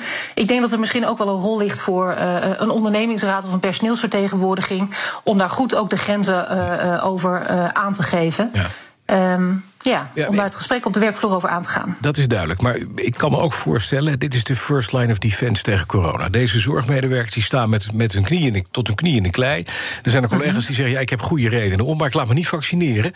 Uh, het is, er is toch ook wel iets voor te zeggen dat je dan als werkgever of als medewerknemer zegt, ja, maar waarom, waarom? Je brengt daarmee mij ook in gevaar. Mm -hmm. Nou, dat, dat is nog de vraag. En uiteraard moeten we scherp zijn dat de nodige veiligheidsmaatregelen op de werkvloer worden genomen ja. uh, door de medewerkers. Uh, uh, met be beschermende maatregelen en dergelijke. Um, maar er is gewoon geen vaccinatieplicht. En bovendien is het ook nog niet duidelijk of gevaccineerden het virus niet ook toch nog kunnen verspreiden. Hè. Daar wordt nog onderzoek verder naar gedaan. Dus mm -hmm. het feit of, of zeg maar de suggestie dat daardoor andere mensen uh, mogelijk extra besmet gaan worden, dat, dat is natuurlijk uh, dat is nog helemaal niet zeker. Ja. Um, en natuurlijk moeten de veiligheidsmaatregelen worden getroffen op die werkvloer. Ja, duidelijk. En nu wil u opheldering van zowel VWS als SZW. Hè? Wat wilt u precies van die ministeries weten? Nou, het lijkt me heel goed om nader inzicht te krijgen in de omvang van deze signalen. We horen dat de vakbonden veel van dit soort signalen toch ontvangen. En ja. Uh, nou ja, de drempel om misschien dat te melden bij een vakbond, uh, als, als zij al die signalen krijgen, dan, dan kan je ook vermoeden dat dat breder leeft. Uh, dus dat dat een topje van de ijsbergen is. Ik hoor ook eerder in jullie gesprekken dat er nog dat er ja, dat het signaal niet direct wordt herkend bij diverse werkgeversorganisaties. dat baart mij dan ook wel weer zorgen. Dus daar moet ook wel echt dat gesprek worden aangegaan. Dus het lijkt mij goed om inzicht te krijgen in de omvang van die signalen. En ook of dit mogelijk in andere sectoren aan de orde is. Ja. En of um, uh, VWS en of uh, SZW ook mogelijkheden zien om deze ja, een soort indirecte drang en dwang te stoppen. Dank u wel. CDA-Kamerlid Hilde Palland. De Ochtendspits. Ja, zoals gezegd, Mark Rutte en Sigrid Kaag hebben niet met ex-verkenners Olonga Jorritsma gesproken over de functie van Pieter Omtzigt. Rutte heeft geen idee hoe de positie van Omtzigt in die gelekte notities van de voormalige verkenners terechtkwam, zei hij gisteren bij RTL en NOS. Dat weet ik niet. Maar goed, uh, ik kan u alleen zeggen wat ik gedaan heb. Gaat iemand van het kabinet daar nog verantwoording voor afleggen? Mevrouw Ollongren is nog minister. Nee, mevrouw Ollongren was daar als verkenner en dat is nu gestopt. Gaat een verkenner daar nog verantwoording over leggen? Gaat iemand daar verantwoording over leggen? Nee, ze hebben een verkenner in opdracht van de Kamer. Dat is gestopt en zijn nieuwe verkenners. Ja, en die doen dat ze voor schone lei is en die kunnen daar ook niks over vertellen. Dus niemand gaat daar uitleg over geven. Nee, dat kan nog niet. Nee, dat gaat niet. Ik kan u alleen zeggen dat uh, het is heel vervelend wat hier gebeurd is. Ik kan u alleen, ik wil alleen wel duidelijk maken dat ik, uh, nog mevrouw Kaag, ik heb haar dat gevraagd. Ze zegt, nou zegt het ook meteen tegen de media als je ze vanavond ziet. Dat wij er in ieder geval niet over begonnen zijn. Ja, verder weet ik het niet. Al dus Rutte. Politiek verslaggever Sophie van Leeuwen vindt het ja, logisch dat Rutte zo reageert. Ja, hij kan niet anders dan, dan dit zeggen natuurlijk. Van, uh, we hebben het er niet over gehad, want Rutte die wil gewoon door. Die, die hoopt gewoon dat hij nu heel snel door kan met die formatie. En dit is natuurlijk zo schadelijk. Uh, schadelijk natuurlijk ook voor, voor het CDA. En hij heeft het CDA keihard nodig. Dus ja, Rutte die zegt... Ik heb niks gezegd. Kaag van D66 heeft niks gezegd over omzicht. Uh, ook al de suggestie dat hij van hem zou af willen. Want we weten natuurlijk dat hè, Omtzigt is de man die, hem, die de premier altijd aan heeft gevallen op de Rutte-doctrine. Dat zit ook niet helemaal lekker. Nee. Maar het klopt dus niet dat het van de VVD komt. Hè. Daar werd gisteren nogal wat over gespeculeerd in de wandelgangen. Het komt ook niet van D66. Ehm, en ja, zij willen gewoon die coalitie smeden met het CDA. En hij, hij heeft ze nodig om ook die conservatieve partijen erbij te krijgen. Met, de ChristenUnie in jaar 21. Mhm. Nou, we gaan straks nog even over de rol van het CDA praten. Maar eerst naar de formatie zelf. Die ligt gewoon aan diggelen. Hoewel, vandaag begint de versie 2.0 met twee nieuwe verkenners. D66 uh, scheidend minister Koolmeis... en de scheidende minister van de VVD-zijde... Tamara van Ark in de hoofdrol. Helemaal opnieuw. Een bijzondere dag, een rare dag. Maar uh, mevrouw Ariep heeft ons nu uitgenodigd, dus wij, wij komen. Ja. En uh, we gaan eerst naar mevrouw Ariep luisteren. En dus gaan ze met alle 17 fractievoorzitters weer praten? Ja, ze gaan helemaal overnieuw beginnen. Ja, ongelooflijk is het. En ja, eigenlijk is dat ook best lastig, want de linkse oppositie zit in quarantaine. En nou, Seger zit in quarantaine, uh, Volt, Wilders ook nog. Want na de kleine corona-uitbraak op Binnenhof... moeten er ook mensen getest worden. Dus het idee is dat ze vandaag gaan beginnen. Nou, misschien kan dat dan wel met de VVD en met D66... de twee grootste partijen, dat die gewoon weer aftrappen. En misschien kunnen ze nog over rechts... Uh, want Eertmans die gaat pas over vijf dagen getest worden. Forumtest helemaal niet. Dus wie weet kunnen ze daar een beginnetje mee maken. Maar uh, ja, ze, ze, ze, willen dus het vertrouwen herstellen. Hè? Ja. Koolmees en Van Ark zijn razendsnel ingevlogen. Um, en eigenlijk zegt Koolmees, ik, ik wil die mensen ook recht in de ogen kunnen kijken. -hmm. We gaan niet over Zoom, we gaan gewoon in de stadhouderskamer fysiek die formatie helemaal opnieuw beginnen. Is het niet een beetje gek, Sofie, dat de ene fractieleider wel in quarantaine gaat, terwijl dat dan volgens de regels niet zou hoeven, en, en, en daarna en, en de rest niet?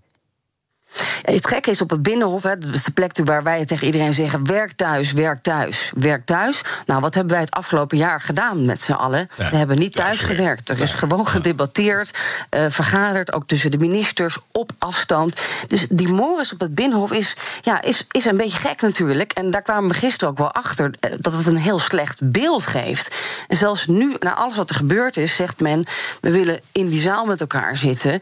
Uh, ook misschien vanwege de veiligheid. De ministerraad gaat trouwens wel digitaal. Ja. Dus ja. dat nu gaat vanaf wel. nu wel even anders. Maar ja, nu ineens wel. Heel, hij vindt het heel, heel belangrijk, Koolmees, als een van de verkenners... om het helemaal fysiek te doen. Hij zei dit. Mijn ervaring, ik heb hier vier jaar geleden ook uh, regelmatig in en, in, in, en uitgelopen... is dat is het gevoelige, vertrouwelijke gesprekken...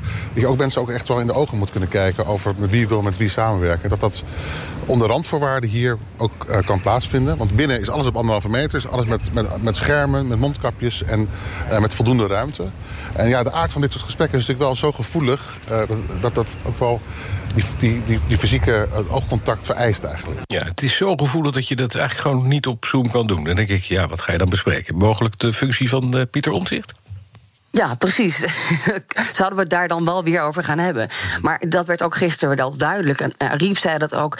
Dit soort gesprekken horen helemaal niet in de verkennende fase. We zijn net begonnen. We, we hebben net verkiezingen gehad. We moeten het over de inhoud hebben. En op welke punten uh, die partijen elkaar kunnen vinden. Ja, niet over poppetjes. Dus, uh, het moet niet gaan over de baan van uh, minister Wopke Hoekstra... die misschien toch wel graag wil terugkeren op financiën. En het moet zeker niet gaan over Pieter Omtzigt. Als je het daarover zou hebben over de baan van Hoekstra... is dat voor later in de formatie, helemaal in de eindfase.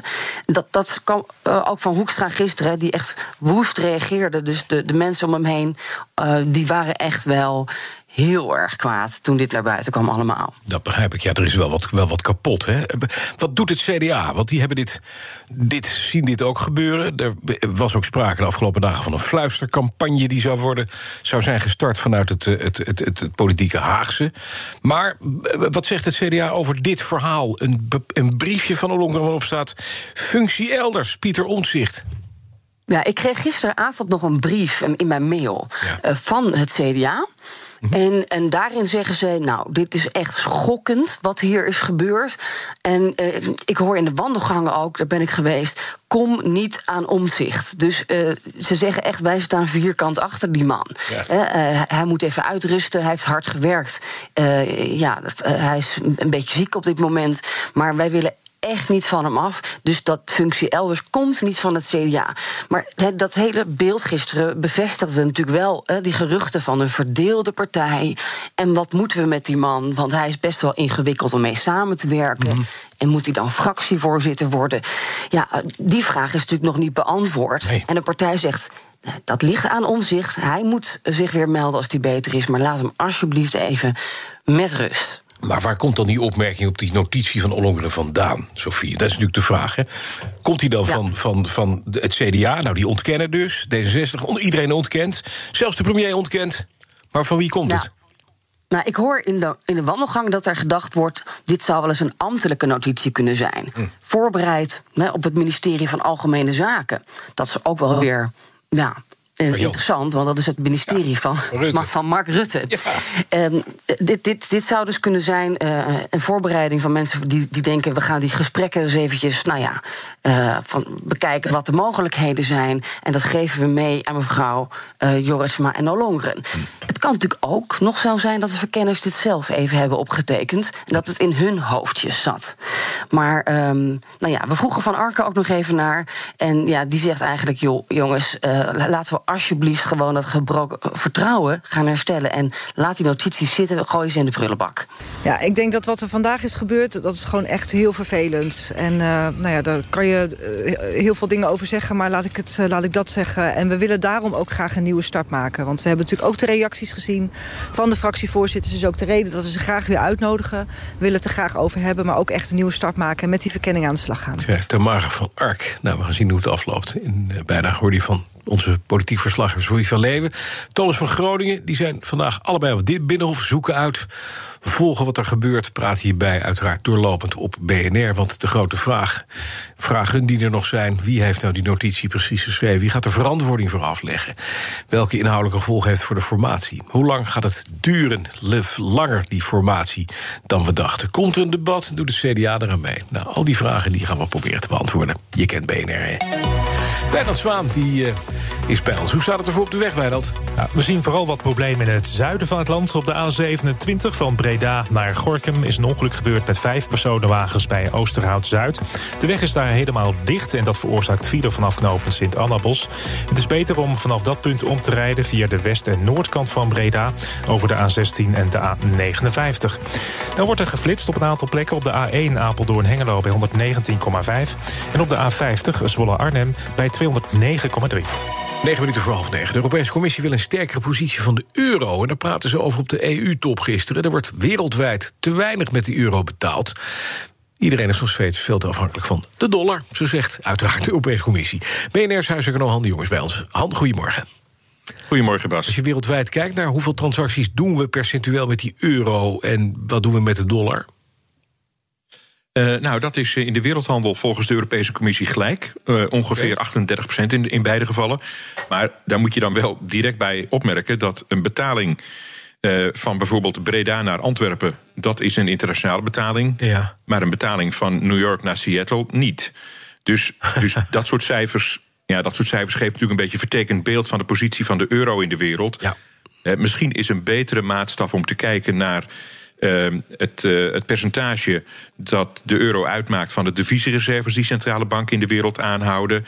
En dan is dat voor de euro ongeveer pak een beetje 20 procent en voor de dollar 60 procent. Dus de euro uh, ligt, ligt ver achter op de dollar. Op de dollar. Maar kun je dit inderdaad? Hoe, kan je het, hoe ga je dat voor elkaar krijgen om die, om die euro sterker te maken? Er is een periode geweest dat die even wat, uh, wat won ten opzichte van, althans in vertrouwen, in fiducie wereldwijd met het aantal transacties. En dat was vlak na 9-11. Uh, toen zakte de dollar weg en kwam de euro geweldig omhoog. Uh, toen was hij er ook nog maar net. maar hoe ga je dit nu machineren? Nou ja, de, de Europese Commissie heeft, uh, heeft wel een aantal uh, initiatieven. Uh, ze hebben eigenlijk een heel, een heel rijtje. laat ik er twee uitpikken. Er is, er is natuurlijk een, een, markt aan het ontstaan voor wat we dan noemen green bonds. Hè, dus obligaties ja. met, met, een groen, met een groen label. Precies. Europa loopt daarin voorop.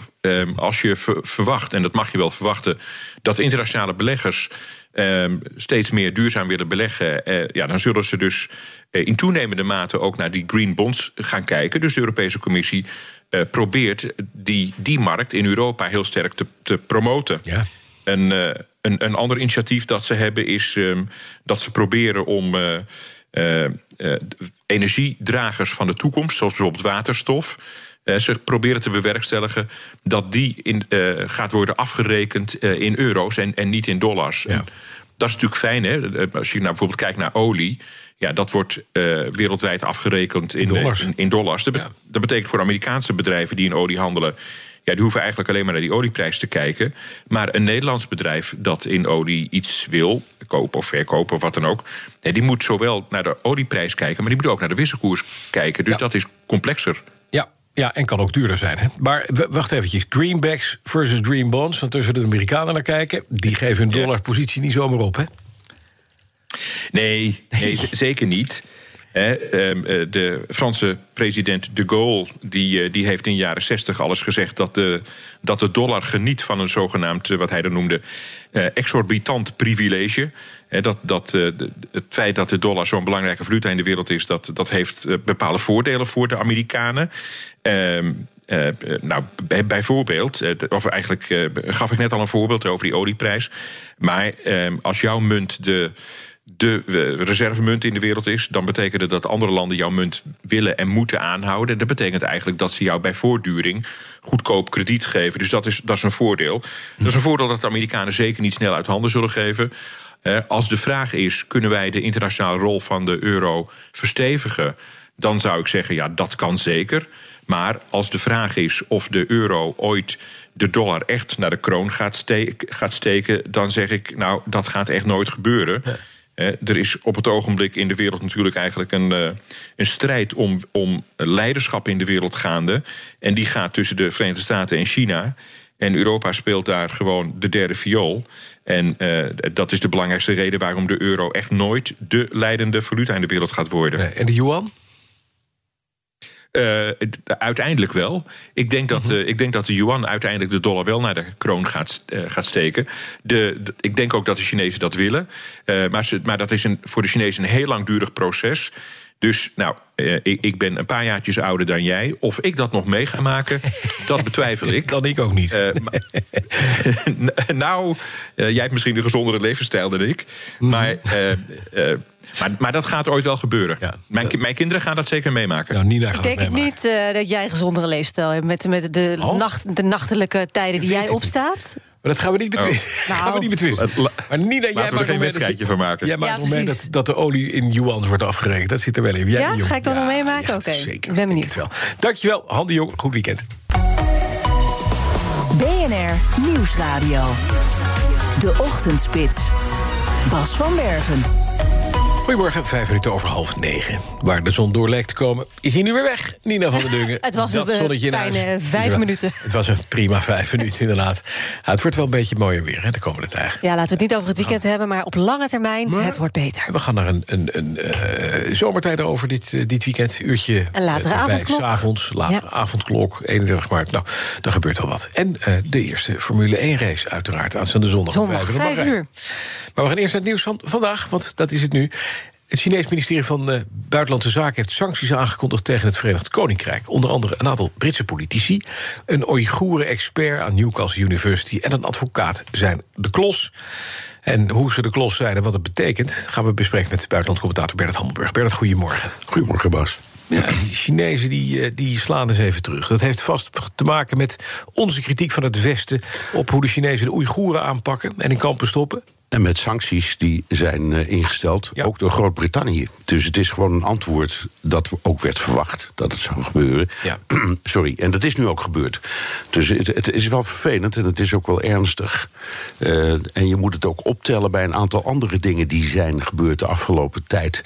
Er is een ja, ik zeg een campagne gaande. Niet echt een, het zijn niet echt sancties, maar wel een campagne tegen HM, tegen Nike, tegen Adidas, tegen eh, Burberry. Ehm, dat, vooral dat laatste is natuurlijk heel gevoelig wat de Britten betreft. Eh, dus die, die merken zijn niet verboden, maar er zijn dan allerlei beroemde eh, Chinezen die voor de, de televisie verklaren dat ze niets meer met dat soort producten te maken willen hebben. Dus het wordt wel hard gespeeld. Ja, zeker. Dat, inderdaad, het heeft dan met de Oeigoerse kwestie te maken. We weten ook al dat er inreisverboden zijn van, eh, van, van mensen. Ook van D66-Kamerlid Sjoerd Sjoerds, maar bijvoorbeeld gewoon een Nederlander die dat kreeg. Maar nu zitten de, liggen de Britten dus onder vuur. Eh, van ouds bestaan er nauwe banden, ook nauwe handelsbanden... tussen, tussen het Verenigd Koninkrijk en China, toch? En, de hele, en het hele Europa en ook Amerika en China. Maar je hebt gelijk.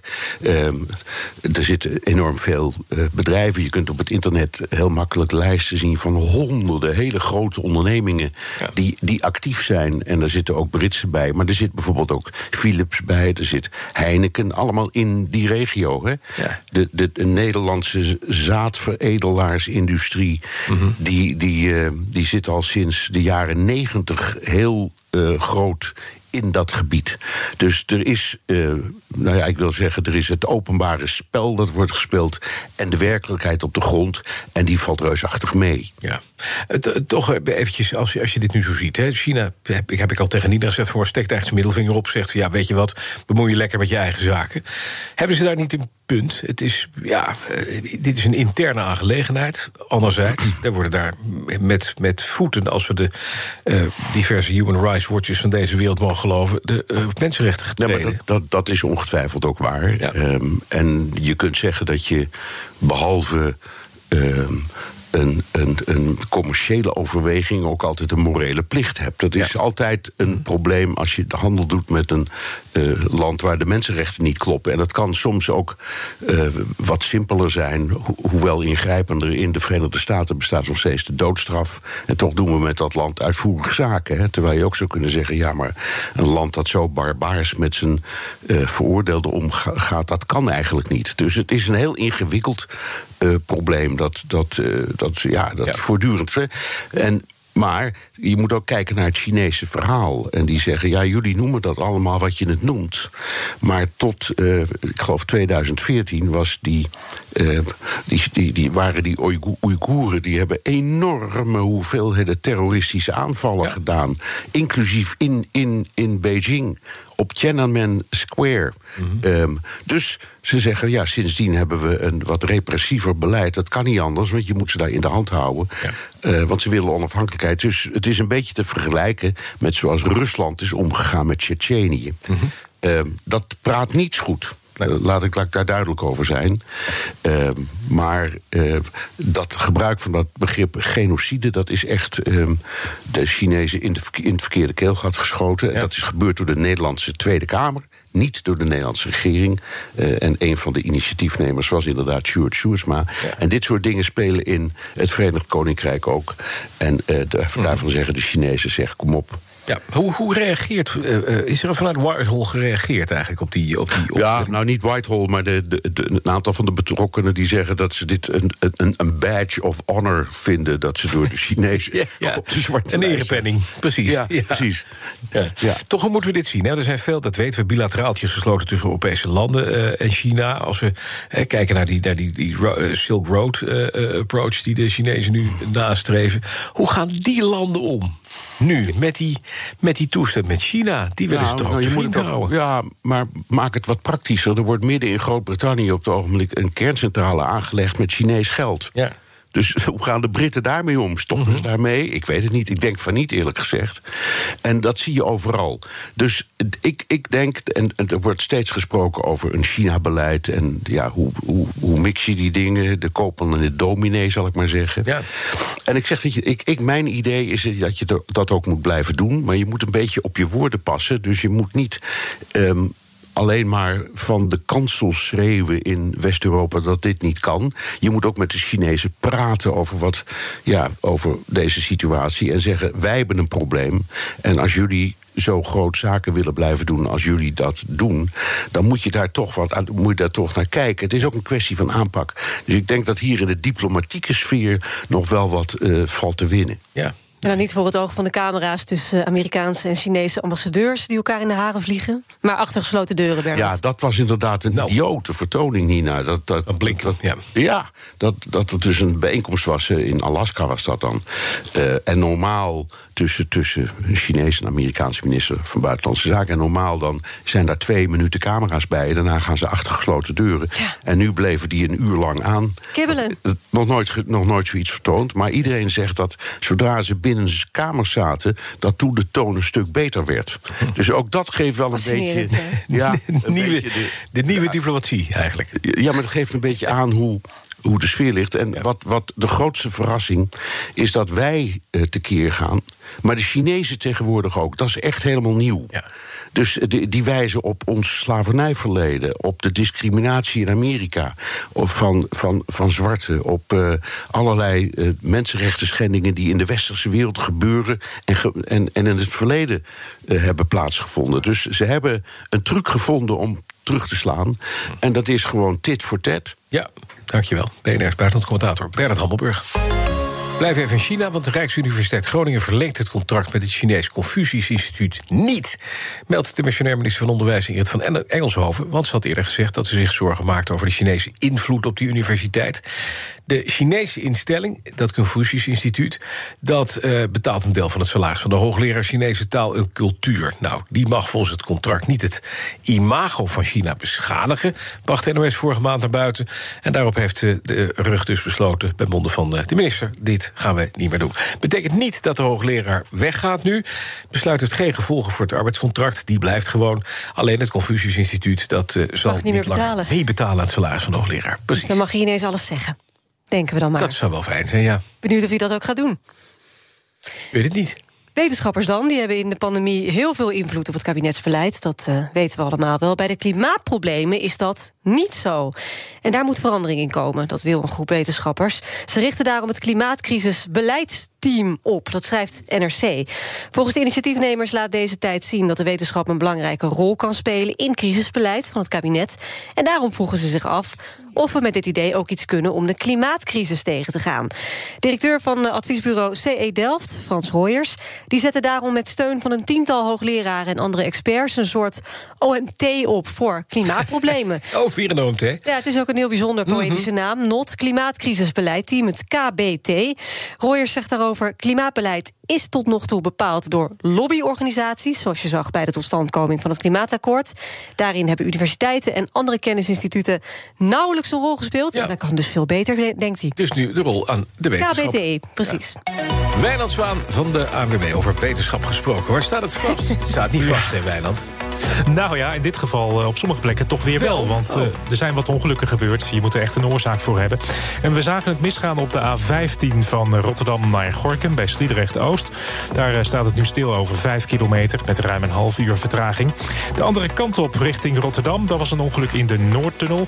Het wordt nu geborgen. Twee van de drie rijstroken zijn dicht en het oponthoud is een half uur. We zien ook nog steeds wat problemen op de A27 vanuit Breda. Er staat bij Oosterhout 6 kilometer file met een half uur oponthoud. De weg was daar even helemaal dicht, maar inmiddels is er weer één rijstrook vrij. Er wordt op veel plaatsen geflitst, nu ook op de A22 Velsen-Beverwijk bij 9,8. President Biden wil dat er 200 miljoen vaccinaties hebben plaatsgevonden voor de 100ste dag van zijn presidentschap.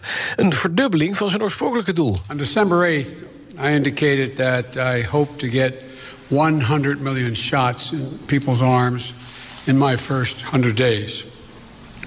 We met that goal last week by day 58, 42 days ahead of schedule. Now, today, I'm setting a second goal, and that is we will, by my 100th day in office, have administered 200 million shots in people's arms. Zei Biden tijdens de officiële eerste persconferentie van zijn presidentschap gisteren. Hij zei ook nog dat hij in 2024 een tweede termijn wil trouwens. En hoe oud is hij dan ook alweer? Dan is hij 82. Ja. En dan moet u dus tot zijn 86ste door. Amerika-correspondent Jan Posma bekeek de persconferentie... en zag dat Biden zijn eigen doelstelling van 200 miljoen vaccinaties... Uh, ja, wel stelt, maar ook ambitieus noemt. Je hoorde hem net al zeggen, het, is een verdubbeling van het oude doel van 100 miljoen. Uh, dat werd al snel gehaald, uh, ruim voor die 100 dagen. Maar om dan op 200 miljoen te komen... dan moet er toch wat meer snelheid gemaakt worden. Moet die priksnelheid verder omhoog. toch kan dat, zegt Biden. I know, I know it's ambitious, twice our original goal, but no other country in the world has even come close, not even close to what we are doing. I believe we can do it. Ja, nou uh, zei hij ook over die 100 miljoen vaccins, over dat eerste doel dus, uh, dat dat heel ambitieus zou zijn in 100 dagen. Nou, dat lukte dus ruim. Uh, dus die ra ramingen van Biden, die, ja, die lijken ook wel aan de voorzichtige kant hoor. Mm -hmm. Maar het feit is dat hier dus in een steeds sneller tempo gevaccineerd wordt. Ja. En ja, dus als Biden dit dan belooft, dan zal hij ook echt geloven dat dat gewoon mogelijk is, die 200 miljoen. Precies. Over ambitieus gesproken, hij is nu 78, maar wil dus in 2024 gewoon weer herkozen worden. Ja, en ik moet zeggen, dat, dat uh, was voor mij ook wel een onverwachte vraag uh, bij deze persconferentie. Het is een eerste persconferentie. Hè. De, de, eerste honderd dagen van zijn presidentschap zijn nog niet eens voorbij. Uh, maar zijn voorganger Trump, dat weet je vast nog wel, die begon natuurlijk al op de dag van zijn inauguratie met zijn campagne voor herverkiezing. Ja. Dus nou ja, daar werd Biden ook naar gevraagd. En als hij daar dan naar gevraagd wordt, ja, dan lacht hij eerst even venijnig om zijn voorganger en geeft dan antwoord. Have you decided whether you are are going to run for re-election in 2024. You haven't set up a re-election campaign yet, as your predecessor had by this time. My predecessor need to, needed to. My predecessor. Oh, God, I miss it. Uh, have you, have you... No, the answer is yes. My plan is to run for re-election. That's my expectation. I miss him. Wat ja. mooi. Ja. Ja, ja, dit moest er eventjes uit. Dit was toch even, eh, denk ik, eh, het persoonlijke gevoel van Biden uh, richting Trump... dat er even uit moest. En ja, over Bidens ambities voor 2024. Hij is dan uh, 82 na zijn eerste termijn. Ik moet eerlijk zeggen, ik zie het hem niet doen. Ik denk dat hij dit ook zegt omdat hij niet zijn eigen positie wil verzwakken. Want als hij nu zou zeggen dat hij niet voor een tweede termijn gaat... ja, dan gaat het natuurlijk alleen nog maar over wie hij moet opvolgen. En daar zit Biden natuurlijk niet op te wachten. Die wil nog al zijn plannen tot uitvoering brengen. Juist, hij wilde het uh, expliciet over corona hebben. Hè? Nou zit Amerika er nog vol in, in die pandemie... maar de aanwezige journalisten waren daar niet echt in geïnteresseerd. Nee, dat, dat viel echt op, Bas. Want uh, nee, je merkt het nog uh, aan, aan, alle kanten dat het er is. Uh, maar er kwam geen enkele vraag over. ja, ik denk dan, dit is, ik merk ook bij Amerikanen op straat... dat er een optimisme is mm -hmm. over het vaccin, over het snelle prikken. De, dus misschien dat dat ook iets is wat, wat door die journalisten wordt gevoeld. Maar ja, er zijn nog steeds besmettingen, er zijn nog steeds doden. De economische schade, die voel je hier echt nog. Dat merk je aan alles.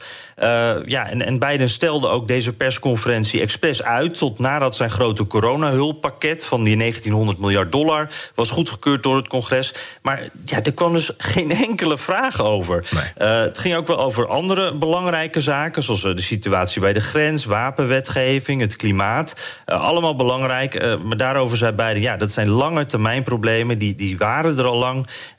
ik moet me eerst op corona richten, dat is prio 1. En ja, en als republikeinen daarin niet mee willen werken, laat ze. Uh, ik ben hier om die problemen op te lossen. Uh, corona dus eerst en daarvoor ben ik gekozen. Ja, dan legde die, overlegde hij ook nog met de EU-leiders gisteren op die EU-top virtueel. Ja, precies. En dat was eigenlijk dat was wel bijzonder, want dat was voor het eerst sinds 2014 dat daar een Amerikaanse president uh, zijn opwachting maakte. Toen was er nog Obama. Uh, nou ja, daarna kregen we natuurlijk die voorganger waar Biden zo moest lachen, Trump, die dat niet deed. De, dus nou, dat was een bijzonder moment. Het moest wel digitaal, maar er werd verheugd op gereageerd dat Biden er nu toch was via scherm.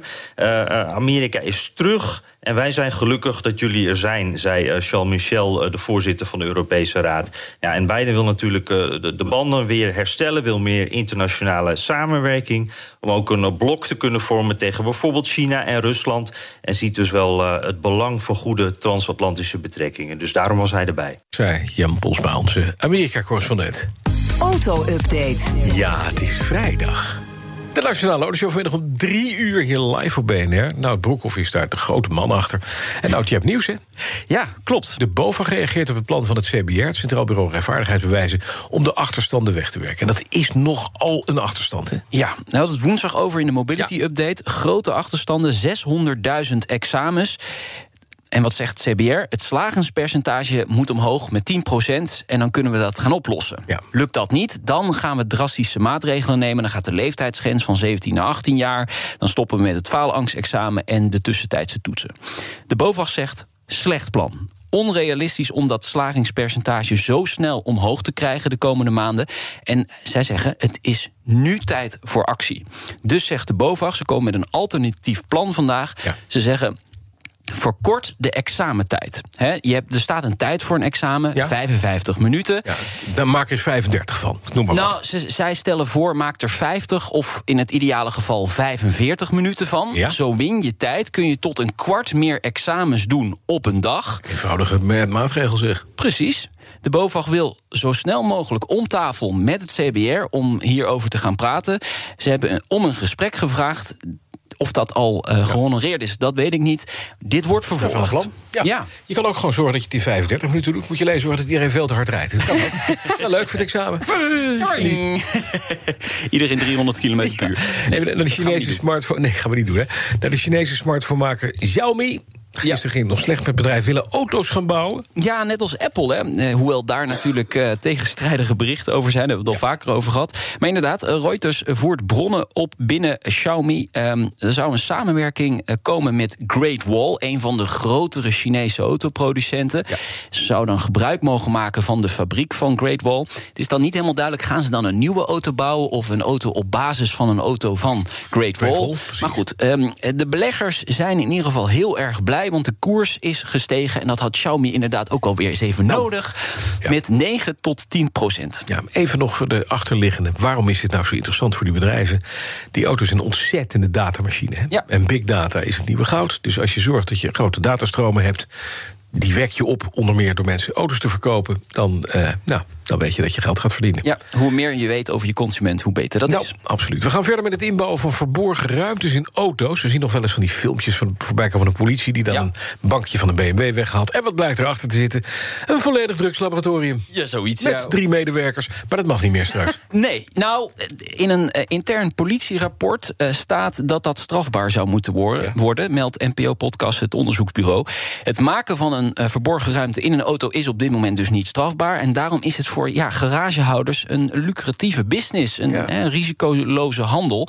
Volgens het rapport groeit het aantal garages dat deze ruimtes inbouwt. Uh, je kunt er van alles in verstoppen natuurlijk. Drugs, grote sommen geld, wapens. Nou, in 2019 um, zijn er 340 auto's in Nederland met een uh, verborgen ruimte gevonden. Uh, dat was een verdubbeling ten opzichte van een jaar eerder. De cijfers van vorig jaar die zijn nog niet bekend. Maar mogelijk dus ook gegroeid. En dus zegt de politie, we moeten dat inbouwen van die verborgen ruimte strafbaar maken. maken. Okay. Lijkt me een goeie. Ja. Dan heeft Tesla een gewild attribuut toegevoegd aan de Europese webshop. Nou, een verbrandingsmotor? Nee. Oh. Was het maar zo vreselijk? Gewild, nee. ja. uh, we moeten even terug naar november. Weet je dat nog met die Tesla Tequila? Die oh, ja. fles ja. in de vorm ja, van een blik, bliksemschicht. Ja. Heel bijzonder ding. Ja. Echt een hebben ding voor Tesla-freaks. Um, die was alleen te koop in, in uh, Amerika. Daar komt verandering in. De karaf, zoals we hem noemen hier in Nederland, is verkrijgbaar in heel Europa, dus ook in Nederland. Kost 150 euro. Doei. Zonder tequila. Dus alleen de fles. Alleen het ding. Ja, alleen de fles. Oh, dat is echt wel Tesla. Ja, nou ja, de tequila is natuurlijk, daar zit natuurlijk importheffing op. Dus oh, uh, die daar, alleen de fles. Ja, die krijgt alleen de fles. Mm -hmm. Als je nu bestelt, komt die over zes tot acht weken komt die, uh, ja. nou, komt die naar Nederland. Daar. Een stuk sneller dan je Tesla. De liefhebbers van klassieke auto's moeten geduld hebben. Ja, Interclassics Maastricht gaat toch niet door. Dat is jammer, jammer hè? Ja, dat is jammer. Ja. Uh, normaal wordt dat natuurlijk in januari gehouden. Uh, ja, dat is was uitgesteld al. Ja, verplaatst naar juni. Maar ook dat komt te vroeg, zegt de organisatie. Ja. Dus geen Interclassics dit jaar. Het wordt verplaatst naar uh, januari 2022. Denk wel een goede beslissing. Want je, je ja. blijft maar verplaatsen. Dan wordt het september. Ja, ja het gaat toch niet lukken. Niet. Jammer. Jammer. Echt een heel mooi evenement Hè, ja. om rond te lopen. Ja, maar er zijn er wel, de Concours de Gans gaat hopelijk wel nog door. En uh, nou, ja, zijn wel wat dingetjes. Dat is het najaar, hè, denk ik, uh, concours. Nee, dat wordt in augustus. Augustus, augustus ja. En dan september is de Goodwood Revival. Ja, daar heb jij ook kaartjes ja, voor. Ja, natuurlijk. Die had ik al. En die van vorig jaar ging hij niet door, door de corona. En dit jaar gaat hij wel door. En heb je al een hotelletje ook natuurlijk? Ja, heb ik ook geregeld. Ja. En een overtocht. En de Riley staat gepoetst klaar in de schuur. Dus uh, we kunnen. We gaan duimen En het voor. driedelig pak met gleufhoed en de Brogues. Vanmiddag in de autoshow. Uh, Jan Lammers komt langs. Uh, sportief directeur van de Dutch Grand Prix. En ook de directeur van circuit Zandvoort, Robert van Overdijk. Ja. Ze komen samen naar de studio om te vertellen over het nieuwe Formule 1 seizoen. 5 het seizoen. september. 5 september. 5 september. 5 september. Ik heb het in mijn agenda staan hoor. Een week voordat ik naar Engeland ga. Ja, laten we hopen dat het doorgaat. Ik hoop het ook, ja. Vanmiddag om drie uur, Nationale Autoshow, terug te luisteren als podcast. En daar kun je ook luisteren naar als je van oude autootjes houdt. En slap geouwer, petrolheads. De auto-update wordt mede mogelijk gemaakt door Leaseplan. Leaseplan. What's next? BNR Nieuwsradio. De Ochtendspits. Bas van Werven. Zeven minuten over negen is het geworden. Vrijdag 26 maart. Nederland komt zeker 20.000 stageplekken tekort. Nina van der Dungen. Ja. Ja. Hebben wij gelukkig een baan, maar toch. Eh, Inderdaad, ons stagetijdperk is voorbij. Maar het is echt uh, heel vervelend voor nou. al die duizenden studenten die maar niks kunnen vinden. Ja, en voor die bedrijven die ook niks kunnen vinden. Hè? Dat is natuurlijk het andere verhaal. Nou ja, en het zijn vooral ook bedrijven die nu gewoon de begeleiding niet kunnen bieden. Hè? In coronatijd, er mogen exactly. geen mensen naar kantoor. Daar zit het probleem. Dan heb je de voorzitters van de VNO-NCW onder andere, maar ook Techniek Nederland, BOVAG, Pauw Nederland. Zij uh, hebben gezamenlijk een open brief gestuurd uh, naar het AD. En ze roepen op om de stageregels, zoals bijvoorbeeld de duur van een stage om die aan te gaan passen. Ja, bij ons Jacco Vonhoff, voorzitter van MKB Nederland... en heeft die brief mede ondertekend, zei wel. Meneer Vonhoff, goedemorgen. Goedemorgen. Waarom moet het versoepeld worden?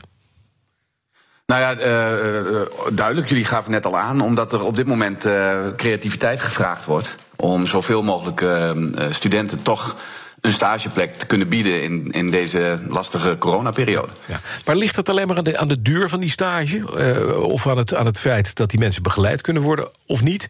Of zijn er ook bedrijven die zeggen: ja, we, we zijn even druk met overleven, excuses, het kan even niet? Ja, dat, dat, dat, is allemaal waar. Kijk, de, de, het idee van, uh, van de duur van de stage misschien zelfs wel verlengen hè, of verkorten. Want het kan allebei de kanten op. Ja. Uh, over meerdere dagen in de week of minder dagen in de week. Uh, dat is maar een, een voorbeeld van een oplossing. Er zijn er waarschijnlijk veel meer. We hebben in de afgelopen tijd trouwens wel een paar kleine successen. Of klein, ze zijn best wel groot. Hè. Er zijn ook uh, in coronatijd zo'n 25.000 uh, uh, bedrijven bijgekomen die uh, studenten mogen begeleiden. Erkende leerbedrijven zijn dat. Ja. Dus er, er, wordt wel degelijk wat gedaan. Maar het is waar dat door corona heel veel bedrijven op dit moment gewoon niet kunnen leveren als het gaat om de begeleiding of de plek zelf. Ja. En u zegt dus dat moet, je, dat moet je oplossen door de regels te versoepelen. Nou, welke regels ja. zijn er? Anderzijds, je moet ook rekening houden met het wel en wee van die stagiair. Hè? Absoluut. Alleen ik denk dat, dat deze hele brief daar ook vandaan vertrekt. Um, want op dit moment zijn die plekken er niet. En um, veel studenten, mbo'ers, maar ook hbo'ers... Um, hebben al veel last van corona, omdat uh, lessen niet zijn doorgegaan. Uh, de interactie met, uh, met, op de school die is er nauwelijks. Ja. Dus er, er, zit al veel, er zitten al veel problemen. Als dan die stage ook nog niet doorgaat en je kunt daardoor je praktijkdeel niet, niet, niet, niet afronden. Precies, dan heb je een probleem. Ja, dan kun je je studie niet afronden, loop je nog meer studievertraging op. Dus voor heel veel jonge mensen is dit echt een enorme uh, ellende waar ze naar, naar kijken. Dus ja. het is met name voor hen uh, belangrijk dat we dit oplossen. En dan is creativiteit uh, gevraagd. En dan kun je het misschien niet helemaal zo doen zoals we het voor corona gewend waren. Maar laten we het dan maar doen zoals het kan. Ja, nou is er toch toch één ding. Ik heb, ik heb zo'n verhaal zelf bij de, bij, de, bij de hand. Ik heb een dochter die loopt stage nu. Die is op dit moment in een HBO-studie, laatste jaar, één keer bij het bedrijf geweest waar ze stageopdracht voor vervult. Ja. Dat doet ja, het meeste pijn. Ja, absoluut. Ik, uh, ik heb zelf een, uh, zo'n soort verhaal. Het, het, vriendje van mijn dochter heeft hetzelfde verhaal. Ja. En uh, er ontstaat geen band met het bedrijf. De aard van de opdracht wordt eigenlijk nooit helemaal duidelijk. Ja, dat is, dat is vreselijk. En, en dan hang je een beetje tussen het doel van die stage, namelijk competenties opdoen, en verder kunnen. Hè, want heel ja. veel studenten zitten gewoon vast. Daarvoor helpt het voor haar. Hè. Dus ze zal um, uh, hopelijk uh, haar studie kunnen afronden. Maar het heeft natuurlijk het heeft niet heel veel te maken met waar het voor bedoeld was. Het is namelijk echt praktijkervaring ja. opdoen. Maar kun je daar dan nog creatief moeten... in zijn? Want u zegt, er moeten, we moeten creatief nadenken. Zijn daar ideeën voor bij jullie?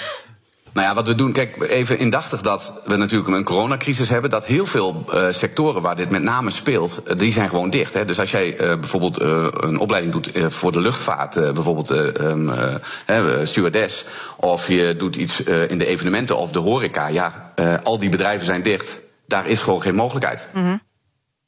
Ja. Dus u zegt dus dat... eigenlijk, er, er, zijn geen oplossingen, behalve een beetje... Jawel, die zijn er wel, maar, maar, maar misschien in andere branches. Je zou ja. kunnen bedenken dat iemand die bijvoorbeeld een evenementenopleiding doet...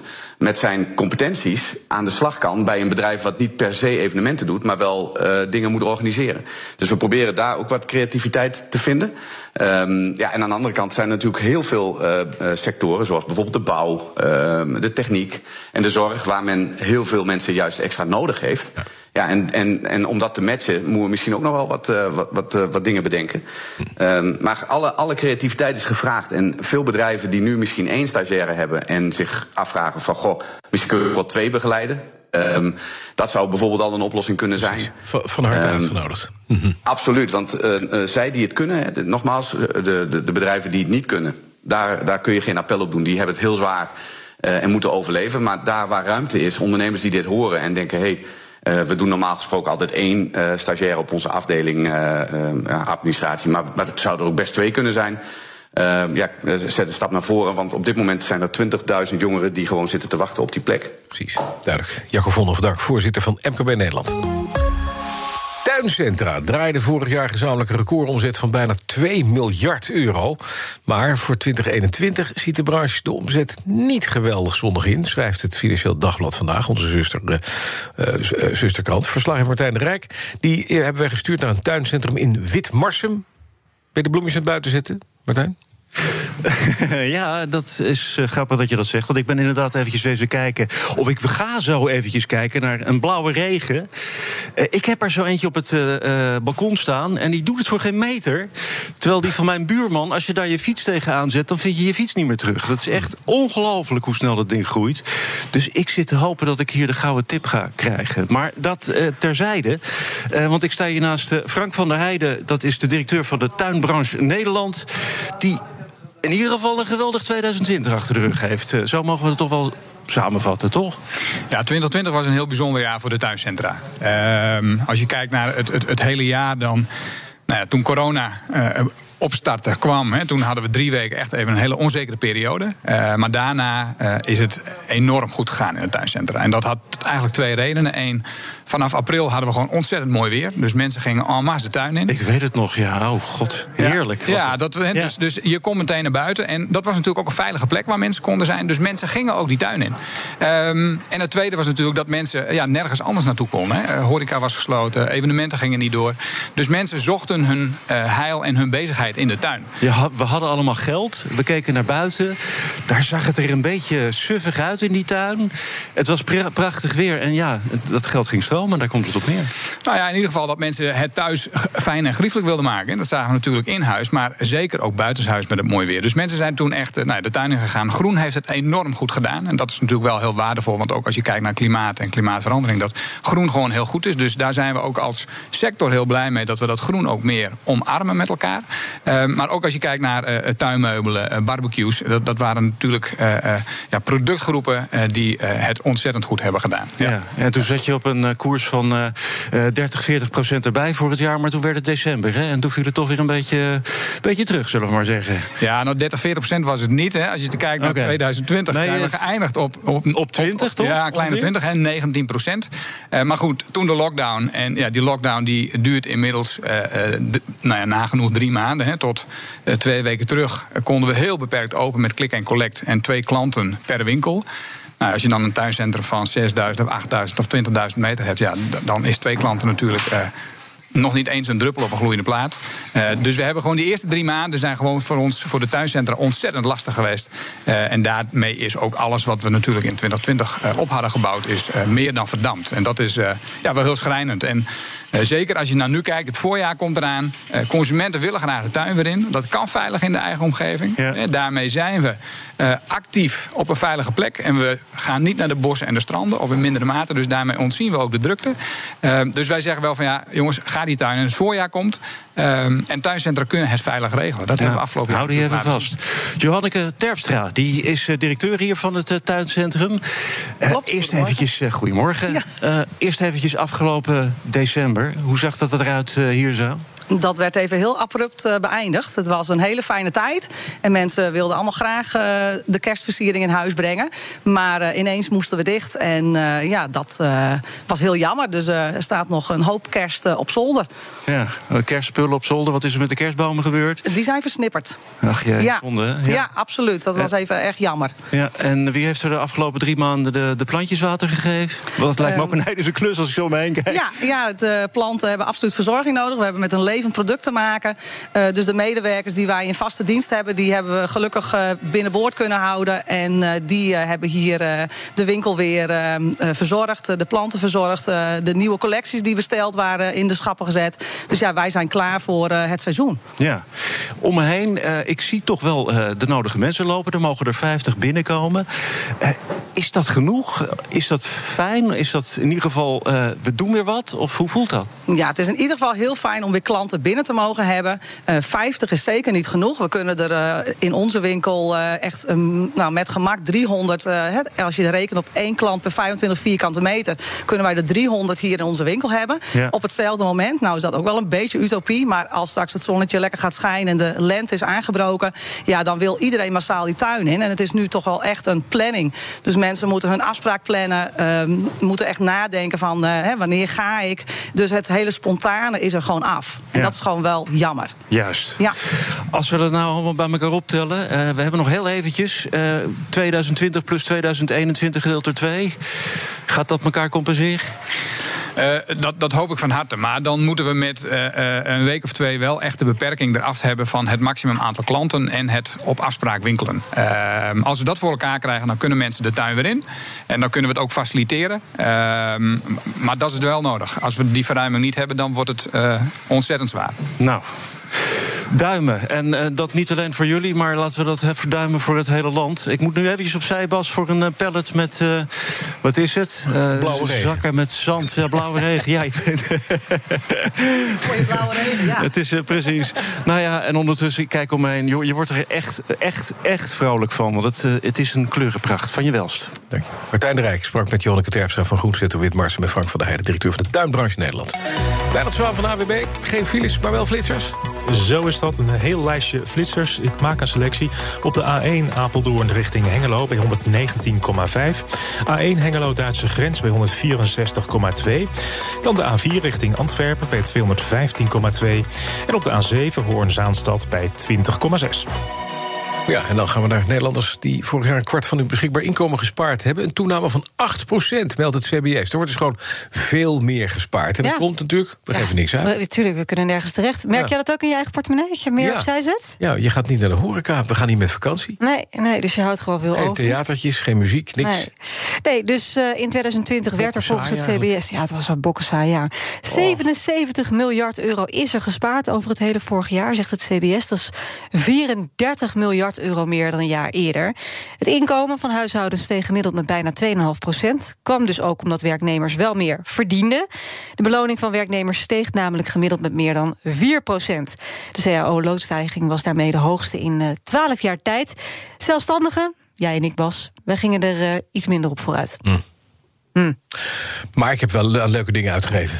Ja, en we hebben net geleerd eh, een paar uur geleden dat Ja. eh, als je om loonsverhoging vraagt, dat jij 60% kans hebt op een loonsverhoging. En ik als vrouw 40. 40%. En dat wel mooi is, als je dus met z'n tweeën zo'n programma maakt... en je teamt, we gaan allebei, splitten we de winst. 50-50. Hey, Volgens mij kom ik daar dan nog steeds niet helemaal goed uit. Maar eh, misschien wel beter dan, dan Het is, voorheen. het is wat, hè? Je moet het ook een beetje, beetje waarderen kunnen. Dat is waar. We gaan even naar poepen. Want loodgieters boeren goed door de coronacrisis, schrijft het AD. We werken meer thuis en dus gaan we ook naar het kleinste kamertje van het huis. Vaker voor de grote of kleine boodschap. Zo zegt een loodgieter uit Roosendaal dat hij 70% meer belletjes krijgt. Niet in de wc-pot, nee, aan de telefoon. en een ander zegt dat hij niet direct meer belletjes krijgt... maar wel veel vaker uit de particuliere hoek. Want wc en gootstenen worden veel intensiever gebruikt. Een verstopping ontstaat vaak geleidelijk door verkalking. Problemen die er al waren komen nu aan het licht. Ja, en dan eh, heb je ook nog het feit dat er blijkbaar heel veel door de pleeg gespoeld wordt, wat Ja. daar niet hoort. Dus Mhm. denk aan eh, vochtige doekjes, waarmee we nu eh, allemaal massaal alles boenen om corona te voorkomen. Etensresten, frituurvet, maar ook meer condooms dan voorheen gaan er door die pleeg. En mondmaskertjes. Dat staat hier niet bij, Vast maar het, het zal vast zo zijn dat Maar die ook in het vochtige ligt. doekjes is echt een enorm probleem. Ja, die heeft hè? een enorme hype. eh, heel veel mensen kopen dat. Ja, en dat gaat allemaal door de wc en het wordt één grote klont in het riool. Ja, ja, en we, daar zien eh, malafide aanbieders ook eh, heel veel hel in. Want zij schieten als paddenstoelen uit de grond. Als je nu googelt op loodgieter... en het is inderdaad ook al iemand die je kent gebeurd... die, ehm, die denkt een, een, een, een, een, een normale loodgieter binnen te halen... maar blijkt gewoon iemand die de naam van een bestaande loodgieter eh, misbruikt. Dat is, die komt met, onder die naam komt hij naar je toe. En die, eh, die fixt het, absoluut. Maar die stuurt Niet. jou een peperdure rekening. Echt, echt veel hoger. Degene die ik ken, die had een rekening van 900 euro. Weet je hoe lang die bezig is geweest? Een uur en een kwartier om de boel te ontstoppen. Dank u wel. Goed verdiend. Ja. Maar dat is dus even, eh, hou de rekening verder dat er inderdaad onder die loodgieters ook charlatans zitten. Ja, niet de bovenste Niet kiezen op. Google. Even, even. goed, goed nadenken. Ja. Geen paniek. Die play die, komt er goed. Absoluut. En dan houden we goed afstand in de supermercado. Dat zorgt Smart Distance Lab samen met onderzoekers van de UvA in Amsterdam. Winkelende klanten krijgen een sensor en zo wordt er geëxperimenteerd met bijvoorbeeld stickers en verplichte looproutes. Tessa Blank is onderzoeker aan de UvA en ze zegt, ja, het is eigenlijk een soort field lab. In, in die zin is het zeker een soort eh, veldonderzoek waarin we proberen in, uh, ja, in het veld te kijken hoe we uh, bezoekers in dit geval kunnen helpen met het afstand houden. En ik denk eigenlijk, nu ik dit zo zeg, is dat is ook meteen een belangrijk verschil. Want wij binnen het Smart Distance Lab houden ons dus aan de anderhalve meter regel ja. en proberen binnen die kaders te helpen. Oké, okay. je krijgt een sensor mee als klant. Hoe werkt dat precies? Een dingetje wat je op je jas krijgt geplakt? Uh, ja, een, uh, een, een sensortje die je uh, draagt. En die bepaalt eigenlijk via ultra-wideband technologie de afstand ten opzichte van andere sensoren. En zo kunnen we dus achteraf kijken ja, hoe lang en hoe vaak mensen met elkaar in contact zijn geweest. En waarom werkt het beter dan gewoon vier waarnemers neerzetten die kijken of mensen anderhalve meter houden? Uh, nou, ten eerste denk ik dat we dus veel meer informatie hebben. Want het gaat niet alleen om het aantal contactmomenten. Dus wordt die anderhalve meter overschreden. Uh, maar ook uh, hoe lang dan. Dus mm -hmm. ik mhm. denk dat dat een belangrijke toegevoegde waarde is. En daarbij, ik heb me verbaasd, maar het is. het is druk in de supermarkt, dus het lijkt me dat je met vier mensen er nog niet bent. Oké, okay, wat, wat, wat willen jullie bereiken met dit onderzoek? Kijken of mensen zich inderdaad goed aan de regels houden?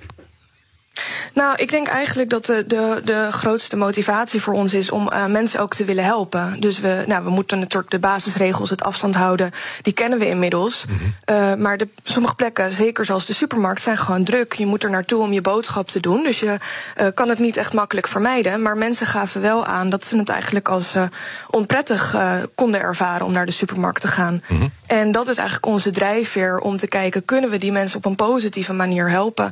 En dat gaat dan nu bijvoorbeeld om de supermarkt, maar je zou ook kunnen denken aan andere ruimtes, zoals het openbaar vervoer of uh, zelfs op straat. Of uh, ja, als we allemaal weer iets meer mogen of meer naar buiten trekken, zijn er natuurlijk, uh, en we ons nog wel aan de basisregels moeten houden, zijn er heel veel mogelijkheden om te kijken hoe kunnen we mensen nou op een positieve manier helpen. Ja, maar dat, dat is toch lastig in de supermarkt. Want als ik dan naar mezelf kijk en ik loop daar, manoeuvreer tussen al die karretjes door en die schappen, er is daar helemaal geen mogelijkheid om elkaar op anderhalve meter te passeren. Dus kijk, op straat heb ik daar veel mogelijkheden toe. Maar hoe, hoe zou je mij ja. kunnen helpen in de supermarkt om dat te bereiken? Nou, wat we bijvoorbeeld onder andere proberen is uh, dat uh, de verplichte winkelwagen die in veel supermarkten geldt, als eigenlijk een soort telsysteem om te controleren hoeveel mensen er binnen zijn, mm -hmm. dat we die op dit moment proberen los te laten. Nou, je kunt je voorstellen als mensen dus voor een kleinere boodschap gaan, niet de winkelwagen nodig hebben, dat dat ook wat ruimte scheelt in de supermarkt.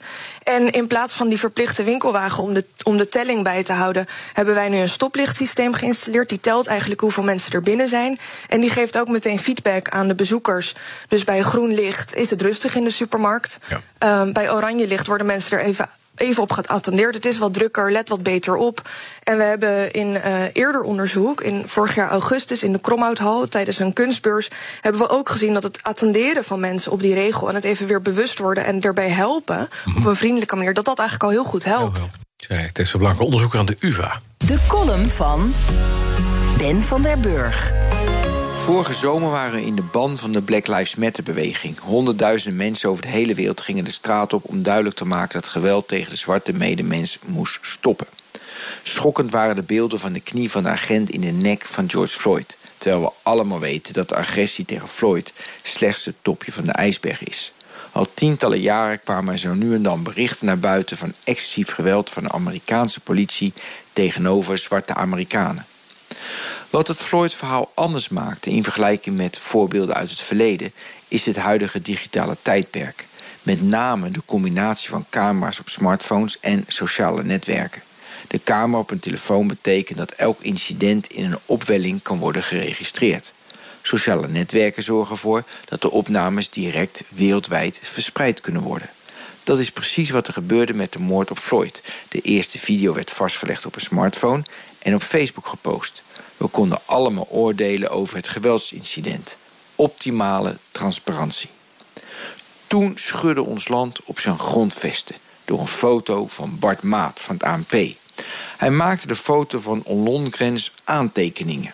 Hij gebruikte weliswaar geen smartphone, maar met de technologie van 25 jaar geleden zou de foto minder duidelijk zijn en hadden we geen inkijkje gekregen in de geest van Kasia Ollongren.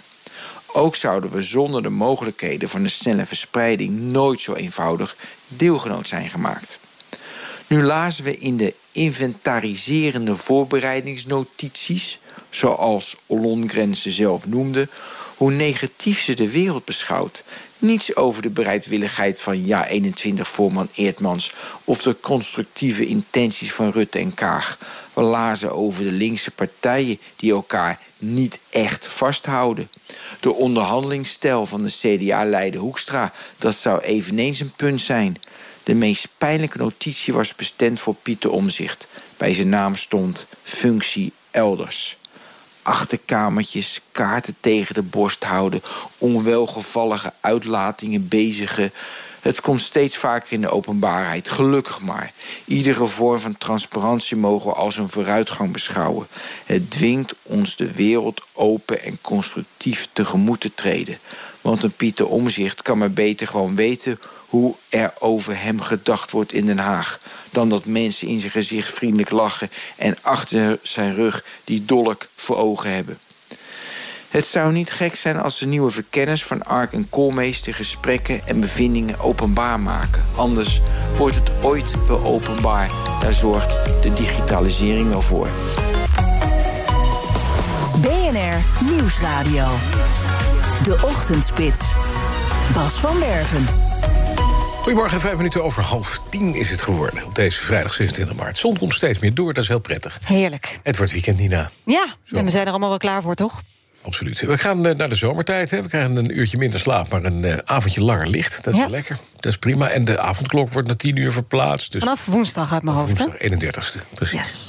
Ja, en hopelijk kunnen we ook voor volgende week groen licht geven voor de Ever Given. Want die, hopelijk ligt die dan weer gewoon recht in het Suezkanaal. Maar tot op heden ligt dat containerschip 400 meter lang, 100 meter breed... en 200.000 ton, 200.000 ton groot. Even dit is zo, Bizar, zo weg, dat is Ja. bizar. Er zitten 20.000 20 voet containers op nog steeds dwars in het kanaal. Nou, de eerste schepen die daarvoor voor liggen. En op dit moment liggen er zo'n 160 schepen te wachten. eh, aan weerszijden van het, eh, van het Suezkanaal. Daar zitten 12, sorry, 41 bulk carriers en 24 grote olietankers bij. Dus dat is nogal wat. Het is een vrij druk bevaren routetje. Eh, het grootste deel ligt nu eh, op, eh, op de, de- aan, de, aan de westkant. Dat kost 5,1 miljard per dag. Die schepen die daar liggen te wachten. Die dus naar het doen. westen toe gaan. Ja. Die dus naar de, de Mediterranean gaan. De andere kant uit, dus naar het, naar het oosten toe. Daar ligt ongeveer voor 4,5 miljard te wachten. Wat een geld. Ongelooflijk geld. Er zijn dus nu schepen die hebben gedacht: weet je wat, we gaan gewoon keren. Tenminste, die aan de Rode Zeekant liggen, dus aan de Afrika-kant. We gaan om Kaap de Goede Hoop heen. Want ja, dat zorgt wel voor extra weken vaartijd. En meer CO2 en veel meer kosten. Maar ja, je hebt niet de zin om te wachten. Het kan weken duren voordat het schip is weggetakeld of, of afgevoerd. Boskalis uit Papendrecht is dat dan het, eh, aan het oplossen. Eh, ja, het is de belangrijkste vaarroute tussen Azië en Europa. Gaan er maar aan staan. And you're looking at about 5.2 million barrels of oil a day, 3.3 million tons of cargo a day. The amount is, is, is staggering. Ja, inderdaad. Nou, dit waren dan even de cijfers over de, over, cijfers, over de vracht. En we- Ik zei net al iets over de, over de cent. Een expert tegen CNN. Nou, Boskalis is er met een team. Zijn bezig eh, eh, met een plan om het schip los te krijgen. Dat gaat ongeveer, dit bevat een deel van de, van de, van de vracht moet er af. Maar En de olie moet eruit. zo hoog. Ja, ja. Dat je moet dus kranen hebben om te zorgen dat die containers gaan optillen. Nou, dat wordt nog wel een dingetje. En de olie eruit, ja, dat is maar een klein plasje olie in principe. Maar dan hopelijk kunnen ze hem lostrekken. Dan moet je ook zorgen dat hij niet kantelt. Want dan, anders kiept Klettert alles erin. 20.000 containers zo in het Suezkanaal. Hebben wij weer op heb wat, eh. Hebben wij op Tesla wat te zoeken weer aan Ja, spullen? nou, dat kan dan even Kan duren wel voordat even het er is. Het is eh, vrijdag 26 maart. eh, eh, een belangrijke dag voor de bitcoin. In ieder geval tot 9 uur. Vertelde Luc Strijers van het Nederlands derivatenplatform Deribit... In, ja, vanuit de andere kant van de wereld. Daar woont hij en werkt hij in Panama. Vandaag over ongeveer anderhalf uur, om 9 uur Nederlandse tijd, is de zogenaamde kwartaalexpiratie. En dat is de, de, de afloopdatum van alle derivaten. Eh, met in, ons geval onderliggende waarde de bitcoin. Eh, maar als je op bijvoorbeeld op Euronext Amsterdam kijkt, dan zou dat, is dat vergelijkbaar met de kwartaalexpiratie van de AEX-opties. Dus zometeen, ehm, we hebben een hoop opties uitstaan, eh, ongeveer 250.000. Dat is een hoog niveau, maar, en daarvan lopen er ongeveer 100.000 af zometeen. Om een, om, om gevoel te geven van de waarde, dat is dikke 5 miljard. Ja. Alleen aan bitcoin-opties, dan hebben we nog Ether-opties, dus dat is ook ongeveer een miljard. Dan hebben we nog futures. Uh, dus over, uh, over het algemeen iets van 6,5 miljard aan waarde loopt zo meteen over anderhalf uur af. af. Ja, nou de, is het altijd de vraag, de, de, de, de tweestrijd tussen de koolhouders en de, en de, en de poethouders. Hoe zit het er een beetje in? Wat, en wat gaat dit voor de koers van, het, uh, van de bitcoin doen bijvoorbeeld? Nou, je kunt je voorstellen dat uh, hoe hoger de koers, hoe beter het is voor de, uh, de callhouders. Ja. En hoe lager de koers, hoe beter het is voor de putholders. Ja. Um, je kunt dus ook uitrekenen wat het, niveau is met de minste weerstand. We noemen dat max pain. Dat is het niveau waarin de verkopers van opties, dat zijn de market makers, maar ook een hoop institutionele partijen, hedge funds, et cetera, waarin het hun het minste kost. Waarin uh, de kopers, uh, dat kunnen jij en ik zijn, het minste winst uh, krijgen. Nou, dat niveau dat ligt een stuk lager dan het huidige koersniveau. Dat ligt ongeveer op 40 à 44.000 dollar. Dus wat je op dit moment ziet, is dat tot een uur of negen vandaag uh, hangt er een soort van negatieve druk op de markt uh, vanwege deze optie-expiratie. Om negen uur is het afgelopen ja. en is die negatieve druk dus verdwenen. Mm -hmm. En dan kunnen we dus omhoog met die, uh, met die bitcoin? Um, nou, als je kijkt op social media, is dit uh, de relevantie van de expiratie een stuk belangrijker geworden. Een jaar geleden um, hadden we ongeveer 400 miljoen open interest totaal. We zitten, zoals net gezegd, voor ja. maart op uh, 6 miljard. Maar we zitten als dierenwit. Uh, ja. ja, en we zitten als dierenwit totaal op ongeveer 15 miljard. Dus dat, we hebben een kolossale groei gezien. Ja. Uh, maar betekent dat automatisch dat die koers omhoog gaat? Nee, de koers is natuurlijk afhankelijk van allerlei factoren: macro, inflatie, et cetera. En dit is dus een, nou, een mandje van factoren. En een van die negatieve factoren is zometeen verdwenen. Um, ja. Dat betekent inderdaad dat het eventueel een stukje hoger kan gaan, mits er geen. Uh, geen ander nieuws naar voren komt wat, wat ook een impact zou kunnen hebben. Dus dat is niet 1, 2, 3 gezegd dat dat omhoog gaat. Het is ook geen, koers, geen beleggingsadvies of iets dergelijks. Nee. Um, maar het is wel iets wat de markt steeds belangrijker acht, vergeleken ja. met een jaar geleden. Eventjes nog naar die, naar die bitcoin zelf. Die hebben vanaf december vorig jaar geweldig zien stijgen... met af en toe een, een, een talletje ertussen. Uh, er zijn kenners die zeggen... nou, hij komt op een ton uit in, in, in euro's eind van het jaar. En ik hoor ook mensen zeggen 4 ton... en er zijn er anderen die zeggen... Dus nee, gaat terug naar 6000. Wat, wat, gaat het, wat gaat het worden? Nou ja, dat is onmogelijk te voorspellen. Als je uh, de specialisten moet geloven, kan het een, uh, een stuk hoger inderdaad. Uh, ja. Maar er zijn ook een hoop sceptici die denken dat het, dat het niets waard is. Dus uiteindelijk bepaalt de markt. de markt had een, een, week of twee geleden bepaald dat het in ieder geval 60.000 waard was. en nu staat het circa 10.000 lager. Dus Waar het op lange termijn naartoe gaat, zal ook uh, van de adoptie afhangen. Van wie gaat het gebruiken. Uh, factoren zoals uh, Musk die koopt of Tesla die je in, in bitcoins kan betalen. Dat speelt natuurlijk allemaal mee. Er zijn steeds meer institutionele partijen. Grayscale in Amerika is erg groot. Er komen ETF's aan. Dus uiteindelijk wordt de koers bepaald door vraag en aanbod. En hoe meer vraag er is door allerlei varianten van, van vehicles die het mogelijk maken te investeren. hoe hoger de koers zou kunnen staan. Ja, Luc Strijers, Nederlander, woonachtig in Panama... werkt er voor het Nederlands derivatenplatform Deribit. 5 miljard belegd, hallo. Of ja, hij zei over anderhalf uur, 9 uur. We spraken hem dus eerder vanmorgen al. En als je kijkt naar de ontwikkeling van de bitcoin nu... ik heb hem even in euro's, jongens, het spijt me heel erg... Maar op dit moment uh, staat de bitcoin op een uh, niveau van 45.518 euro, dus, dus boven de 50.000 dollar, is er aan het opkrabbelen. Inderdaad, heeft een dipje gehad vanmorgen. Tot 9 uur begint nu heel langzaam weer een beetje op te lopen. Tech Update. Mark Klerks, de hele week bezig geweest met het maken en het veilen van een non-fungible token, een NFT. De veiling duurde tot 9 uur. De digitale eigendomsrechten van een stukje radio dat jij gemaakt hebt, geregistreerd op de blockchain. En het gaat om dit stukje. BNR Nieuwsradio. You can't touch it, but you can own it. Told you you had to pay attention. So what exactly is an NFT? No, NFT, NFT stands, for non-fungible token. token. Tokens are digital tokens that enable true ownership of any kind of digital asset that has been verified using blockchain technology. Whoa. Carl, a gold rush here, even though it's a little hard to explain what the gold is. De toekomst is hier. Ik had er ook meer van verwacht. Dat zei je. Onze eigen Conor Klerks in zijn NFT. Dit was het ding. Het is, is het gelukt om hem te verkopen, die, deze NFT? Ja, ja? ja het is uh, ver boven verwachting ook gelukt om te verkopen.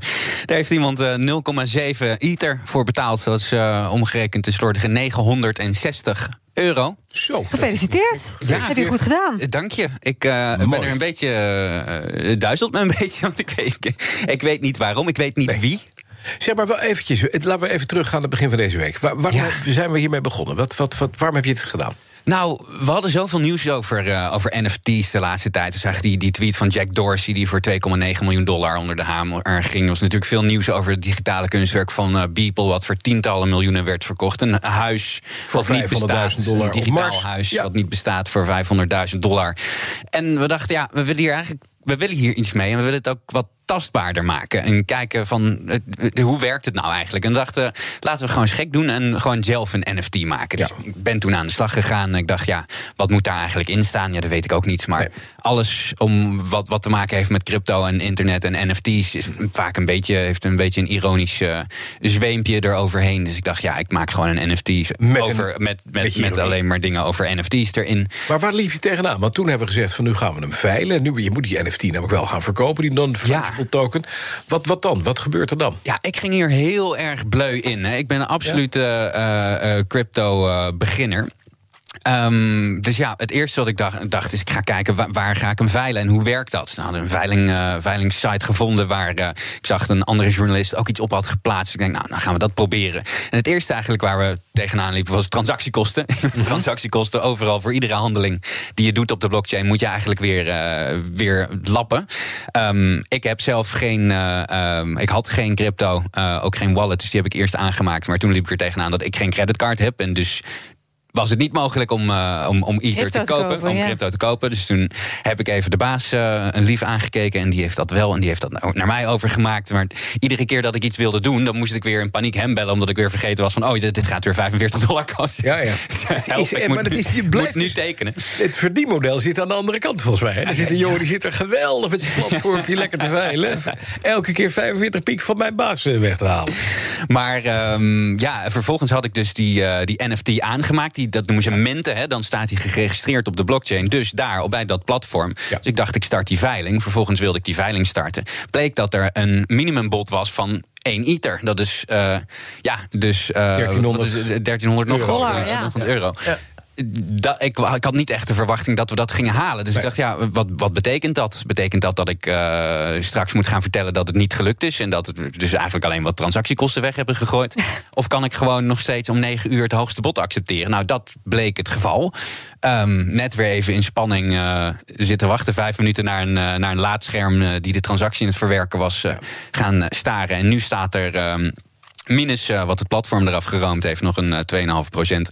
Staat er iets van uh, 900 nog wat okay. euro in mijn wallet. Wie heeft, gaat dat betalen aan jou? Ik weet het niet. Waarom? Ik heb het al. Nou? Uh, ja, nou, je dat hebt is, het dat al. Is een, ik heb het al. Ja, het staat in mijn wallet. Dat is een beetje inherent aan, uh, aan crypto. Hè. Je kan dat uh, anoniem doen als je dat wil. Ja. Um, ik weet niets over de koper. Maar um, dat willen we toch wel weten? Ik wil dat heel graag weten. Ik wil dolgraag weten. Ik zie Art Royakker zo kijken. Zou hij het zijn? Zou hij het zijn, nee, ja. Um, ik, uh, ik zou dolgraag willen weten wie, uh, wie het was. Dus uh, ben jij uh, de koper ja. en kun je dat bewijzen? Ja, stuur me heel graag een berichtje. Want ik wil dolgraag weten waarom, waarom je dit gedaan hebt. Misschien was het wel een tikfout. We, willen wij ook weten. En het mooiste is, we weten, kunnen je ook vertellen... we gaan het geld stoppen, in, niet in de, in de, in de baas, in de basisportemonnee helaas. Die staat er nu een beetje sip van te kijken. Het gaat naar UNICEF. Ga naar UNICEF. Het gaat daar gewoon goed kinderen. Nee, geen sausijsbroodjes. Die doe ik voor het slagen van de... Nee, Art, je krijgt een sausijsbroodje. die krijg je gewoon van mij. Ik steun dan weer de collega's. Dat doe ik, dat doe ik als, bij het slagen van deze actie. Maar toch een leuke actie. Dank je. Ik heb er veel plezier van gehad, maar het is wel heel spannend. Ja. Ja. Ja, en dat heeft met name... het heeft de baas heel veel geld gekost. Baas Mulling heeft veel centen gekost. Die heeft al die transactiekosten moeten ophoesten. Die moet uitleggen aan zijn vrouw... die om die iedere keer 45 euro transactiekosten moet gaan betalen. Ja. Heel gek. De BNR Tech Update wordt mede mogelijk gemaakt door Lenklen. Heel kort, Wijnald Zwaan uh, tegen tien geen files, maar wel flitsers. Zo is dat. Een hele lijst files. eh, eh, ik moet wel goed zeggen, een hele lijst flitsers. Ehm, ik pak er een paar uit. Op de A1 Apeldoorn-Hengelo bij hectometerpaal 119,5. Op de A6 Emmeloord-Lelystad bij 91,1. Op de A15 is er een gezien richting Nijmegen bij 98,7. En op de A50 Arnhem richting Zwolle bij Apeldoorn bij 209,4. En dan is het zometeen over 12 minuten BNR's Big 5 tijd met eh, Art Royakkers. Art, goedemorgen. Morgen. Je hebt de hele week Ik was het niet hoor. kopstukken. Die 1100 Heb jij niet nee, nee, nee, nee. Had je natuurlijk wel gewild? Had je ja. dit geweten? Dan had je net wat meer geboden. Achter de boot gevist. Ja. Achter het net. Achter het net, krijgt- dat is je het. krijgt eigendomsrecht Net op een, zeker. Ja. een, het eigendomsrecht van een digitaal bestand. Wat je gewoon overal uit kan knippen. Dus je kan het geluid zelf kan je gewoon isoleren. Maar je kan niet zeggen dat je de eigenaar Precies. bent. Nu is is het één echt mens die dat zelf kan. Ja. Super mooi. Maar daar gaan we het niet over hebben. Jij gaat straks een BNR's Big Five met eh, Frans Klein, de grote baas van de NPO. Precies, directeur video bij de NPO is zijn eh, officiële titel. Omroepman van het jaar 2020. Volgens sommigen de machtigste man van Hilversum. Eh, en hij komt hier naar de studio om te praten over de toekomst van de NPO. We spreken al de hele week met omroepbazen, met televisiemakers. We hebben RTL gehad, we hebben Talpa gehad. Dus En ik hoorde gisteren jouw baas hier. hè? Ja, Peter van der Peter Vorst. van der Vorst. inderdaad. En die deed een hele mooie, vond ik een prachtige kettingvraag. Daarom is het interessant om straks te gaan luisteren, sowieso. Die doet een handreiking namens de commerciële, namens zijn bedrijf, RTL... om samen met NPO drama te gaan ontwikkelen. Toen dacht ik, weet je, doe dat nou eens, NPO. Dat is publiek geld. Daar zitten jij en ik aan te betalen. we, we hebben allemaal gezien dat de proposi- propositie van buitenlandse landen... ik noem maar de Denen, de Zweden, de, de Spanjaarden... die leveren prachtige dramaproducties aan Netflix... verdienen daar klauwen met geld mee. Haal ons belastinggeld een keertje terug. Doe dat nou samen. Dat is een opdracht ook aan Frans Klein. Oké, ik ga het hem voorleggen, Bas. Ik ga het hem zeker Ja, voorleggen. heel goed, met die kettingvraag. Ja, maar echt, dan denk ik van, ja, kom op. Ja, dit is geen nog meer op? kettingvraag meer, dus een kettingoproep. Dus een kettingopdracht is dit. Een kettingopdracht. Ja. Precies, ja. En wat heb je nog meer op de rol? Eh, nou, we gaan het ook hebben over bijvoorbeeld eh, talkshows. Eh, hij wordt Mhm. wel de koning van de talkshows genoemd... door Georgette Sleek notabene, die hier van de week zat. De topvrouw van Fremantle. Dus daar gaan we het ook over hebben. Over fake news, over van alles gaat er voorbij komen. Mooi zo. In één uur tijd. Ongelooflijk, Wordt hè? hard werken. Gaat lukken. Ik ga mezelf even in de vijfde versnellingsnetten Eh, zetten. Zo. Big Five, de versnelling. Met Art Royakkers, zometeen. De Ochtendspits. Bas van Werven. PvdA-lijsttrekker Liliane Ploemen wil niet met de nieuwe verkenners van Ark en Koolmees praten... totdat er een openbaar Kamerdebat is geweest over de ontstaande situatie. Het gaat uiteraard om het plotseling opstappen gisteren van Ollongren en eh, eh, eh, Jorisma... nadat Ollongren gisteren naar buiten liep op weg naar een eh, eh, kleine quarantaine. Met Kleine in haar hand, quarantaine, ja, met corona. Met eh, in, haar, in haar hand een heel verhaal waarop stond onder meer dat Pieter Omtzigt een andere functie moest gaan krijgen. Ja, als een Nou, van de vele geeft- details. Ja. Ja, dat geeft nog wel eventjes wat te denken. Maar dit is wel sterk wat Ploemen doet. Ploemen zegt, Die zegt als eerste, ik ga niet met met de nieuwe verkenners om de tafel... totdat er een debat is geweest. Ja, en ja. dat debat is vermoedelijk pas woensdag, hè? Ja, dinsdag of woensdag. Ja. Ja. Dat gaat nog even duren. Ja, zeker, ja. Het is, in ieder geval, ja, het is misschien wel helder. Even afwachten, even Ja. kijken wat hier gebeurd is. En dan door. En ze zit ook nog in quarantaine, hè, Ploemen? Die Ze nam geen in risico. Die wilde na de besmetting van Keizer Ollongren even zelf... Ja. zeker tot het weekend in quarantaine. En dan, daar ga je ongetwijfeld nog meer over horen vandaag. Zeker. Uit Den Haag, want wellicht zijn er ook andere partijen... die zich daarbij aansluiten, dit terzijde. En dan nog even naar de kabelbanen. Want Almere legt een kabelbaan over de A6 aan... vanwege de wereldtuinbouwtentoonstelling Floriade in 2022. Heel leuk. Dan- Kabelbaan over de Dan zie je A6. dus, ja, een soort skilift, zo'n zo'n gondeltje met mensen erin... die op weg zijn naar de Floriade. Het klinkt als een Leuk, attractie. ja. Alleen Veilig Verkeer Nederland zegt, dat mag niet. Is niet handig, want dat betekent afleiding... en dan krijg je, dan krijg je eh, eh, ongelukken van, zegt Rob Somphorst van Veilig Verkeer Nederland. Ik hoor een ondertoontje bij jou dat je denkt, nou, Er kom zijn op. zoveel landen waar ze dit hebben. Waar Over snelwegen, ja? kabelbaantje over snel- Ja, tuurlijk. Ook met vakantie, ik weet niet meer waar... maar daar zie je het ook hartstikke leuk, kabelbaantje. Ja, en als het kabelbaantje niet mag, dan kun je ook alle viaducten over de snelweg wel sluiten. Want daar staan ook geregeld ouders Mensen met kinderen te zwaaien. bloemetjes van- erbij. Ja. Ja. Nou ja, en hij moet volgend jaar april eh, eh, begint de Floriade. In september dit jaar moet het ding al in gebruik zijn. Ze zijn hem al aan het bouwen. Dus eh, de- het, het is wel een beetje laat dat VVN nu komt met een, met een verhaal van het kan eigenlijk niet. Dus het komt er gewoon. Fijn. Ja. Dan even naar eh, kunst. De zonnebloemen, aardappeleters, sterrennacht, ken je allemaal, hè? Ja, Van Gogh. Ja. Vincent van Gogh. Als ik zeg Senderu à Montmartre... dan denk je niet meteen aan Van Gogh, hè? Heb jij namelijk nog nooit gehoord? Ik ook niet. Het is een zeldzaam doek. 100 jaar in eh, bezit geweest van een familie. Gisteren bij Sotheby's in Parijs geveild voor 13 miljoen euro. Veel meer dan de 5 tot 8 die van tevoren was gedacht. Sarah de Klerk, managing director bij Sotheby's Nederland, weet waarom die interesse is ontstaan. Het is een heel uniek schilderij. En het schilderij was. Uh, 100 jaar uh, niet te zien geweest. Dus 100 jaar in één familie geweest die het ook nooit heeft uitgeleend. Dus zelfs alle specialisten op het gebied van Van Gogh kenden het schilderij niet. En het is natuurlijk, Van Gogh, zijn oeuvre is heel goed in beeld. Dus het is precies bekend wat er nog van hem is... en wat er dan mogelijk nog op de markt komt. Dus ja. Het is heel zeldzaam. En daar willen mensen voor betalen. Ja, en de, de, wie is er uiteindelijk de koper geworden? Is het iemand uit ver, ver weg? Ja, dat kunnen we helaas nooit zeggen. zeggen. Nee. nee, helaas maar moeten we dat niet, in, maar... in, in, in Saudi-Arabië, in Amerika of in Azië zien?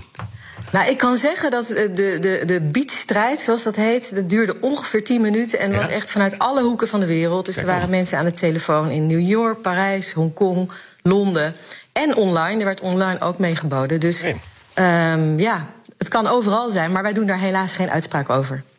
Waar komt het te hangen straks? Achter gesloten deuren of wordt het in een mooi museum tentoongesteld? Nou ja, wij hopen natuurlijk, we hopen en, uh, dat het in een mooi museum terechtkomt, omdat het dan voor iedereen te zien is.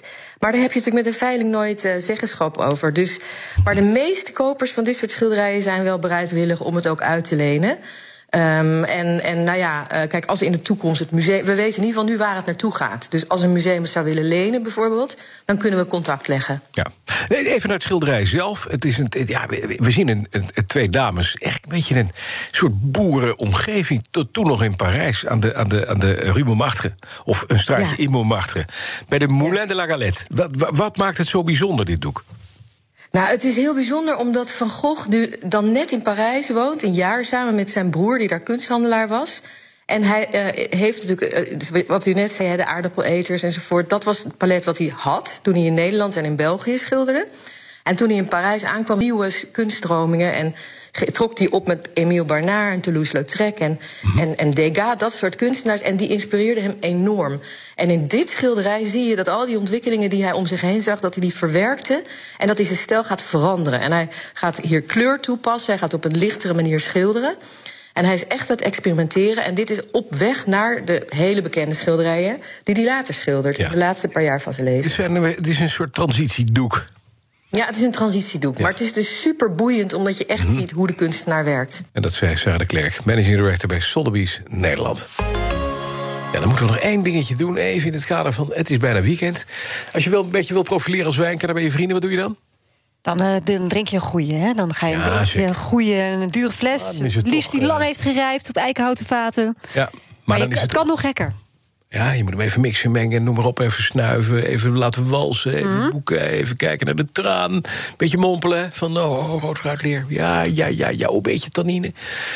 Groep Franse wijnkenners die hebben iets heel anders aangetroffen in die wijn. Een scheutje sterrenstof. Ze hebben als eerste mensen ter wereld wijn geproefd... die in de ruimte is geweest, een jaar lang. Het was niet de minste fles, hoor. Het was een uh, Chateau Petrus uit 2000. Twaalf flessen hebben ze gestuurd met de SpaceX-capsule naar de ruimte. Uh, in een poging om nieuwe manieren om planten te kweken te ontdekken. Dat was het, het doel van het onderzoek. Logisch dat je dan een fles wijn meegeeft. het werd ja, wijn. precies. Maar nu wil jij vast weten, smaakt die ook anders? Ja, dat wil ik weten. Ja, dat is gek, hè? Een wijnschrijver verklaart tegenover, CNN... dat uh, er duidelijk verschil was in kleur en aromaat en ook in smaak. Hij proefde gewoon een beetje ouder, meer geëvolueerd. En ze zegt van ja, het is eigenlijk een beetje alsof hij... twee tot drie jaar extra rijping heeft gehad. In Dus één jaartje ruimte. de tannines van kosmische wijn die evolueren beter dan op aarde. Oh, wauw. Dus En slinger hij je wordt een goede fles de, de ruimte in en dan... Hij wordt een beetje, beetje bloemerig ook. Oh, lekker. Lekker, hè? Ja. Weet je waar ik zin in heb? Proost. Wijntje Nou, dat denk ik, ja, dat denk ik. Het is tien uur. We gaan eh, de, het loket overdragen aan eh, onze grote vriend Art Royakkers voor BNR's Big Five. Gaat in gesprek met NPO-baas van eh, de, de televisie, althans Frans Klein. En wij zijn er maandag weer. Goed weekend. Een fijn weekend. Ook Hugo Reitsma vind je in de BNR-app. Superhandig die BNR-app. Je kunt alle programma's live luisteren, breaking nieuwsmeldingen. Je blijft op de hoogte van het laatste zakelijke nieuws. En je vindt er alle BNR-podcasts, waaronder natuurlijk de belangrijkste, Boeken zijn in de wijk. Download nu de gratis BNR-app en blijf scherp.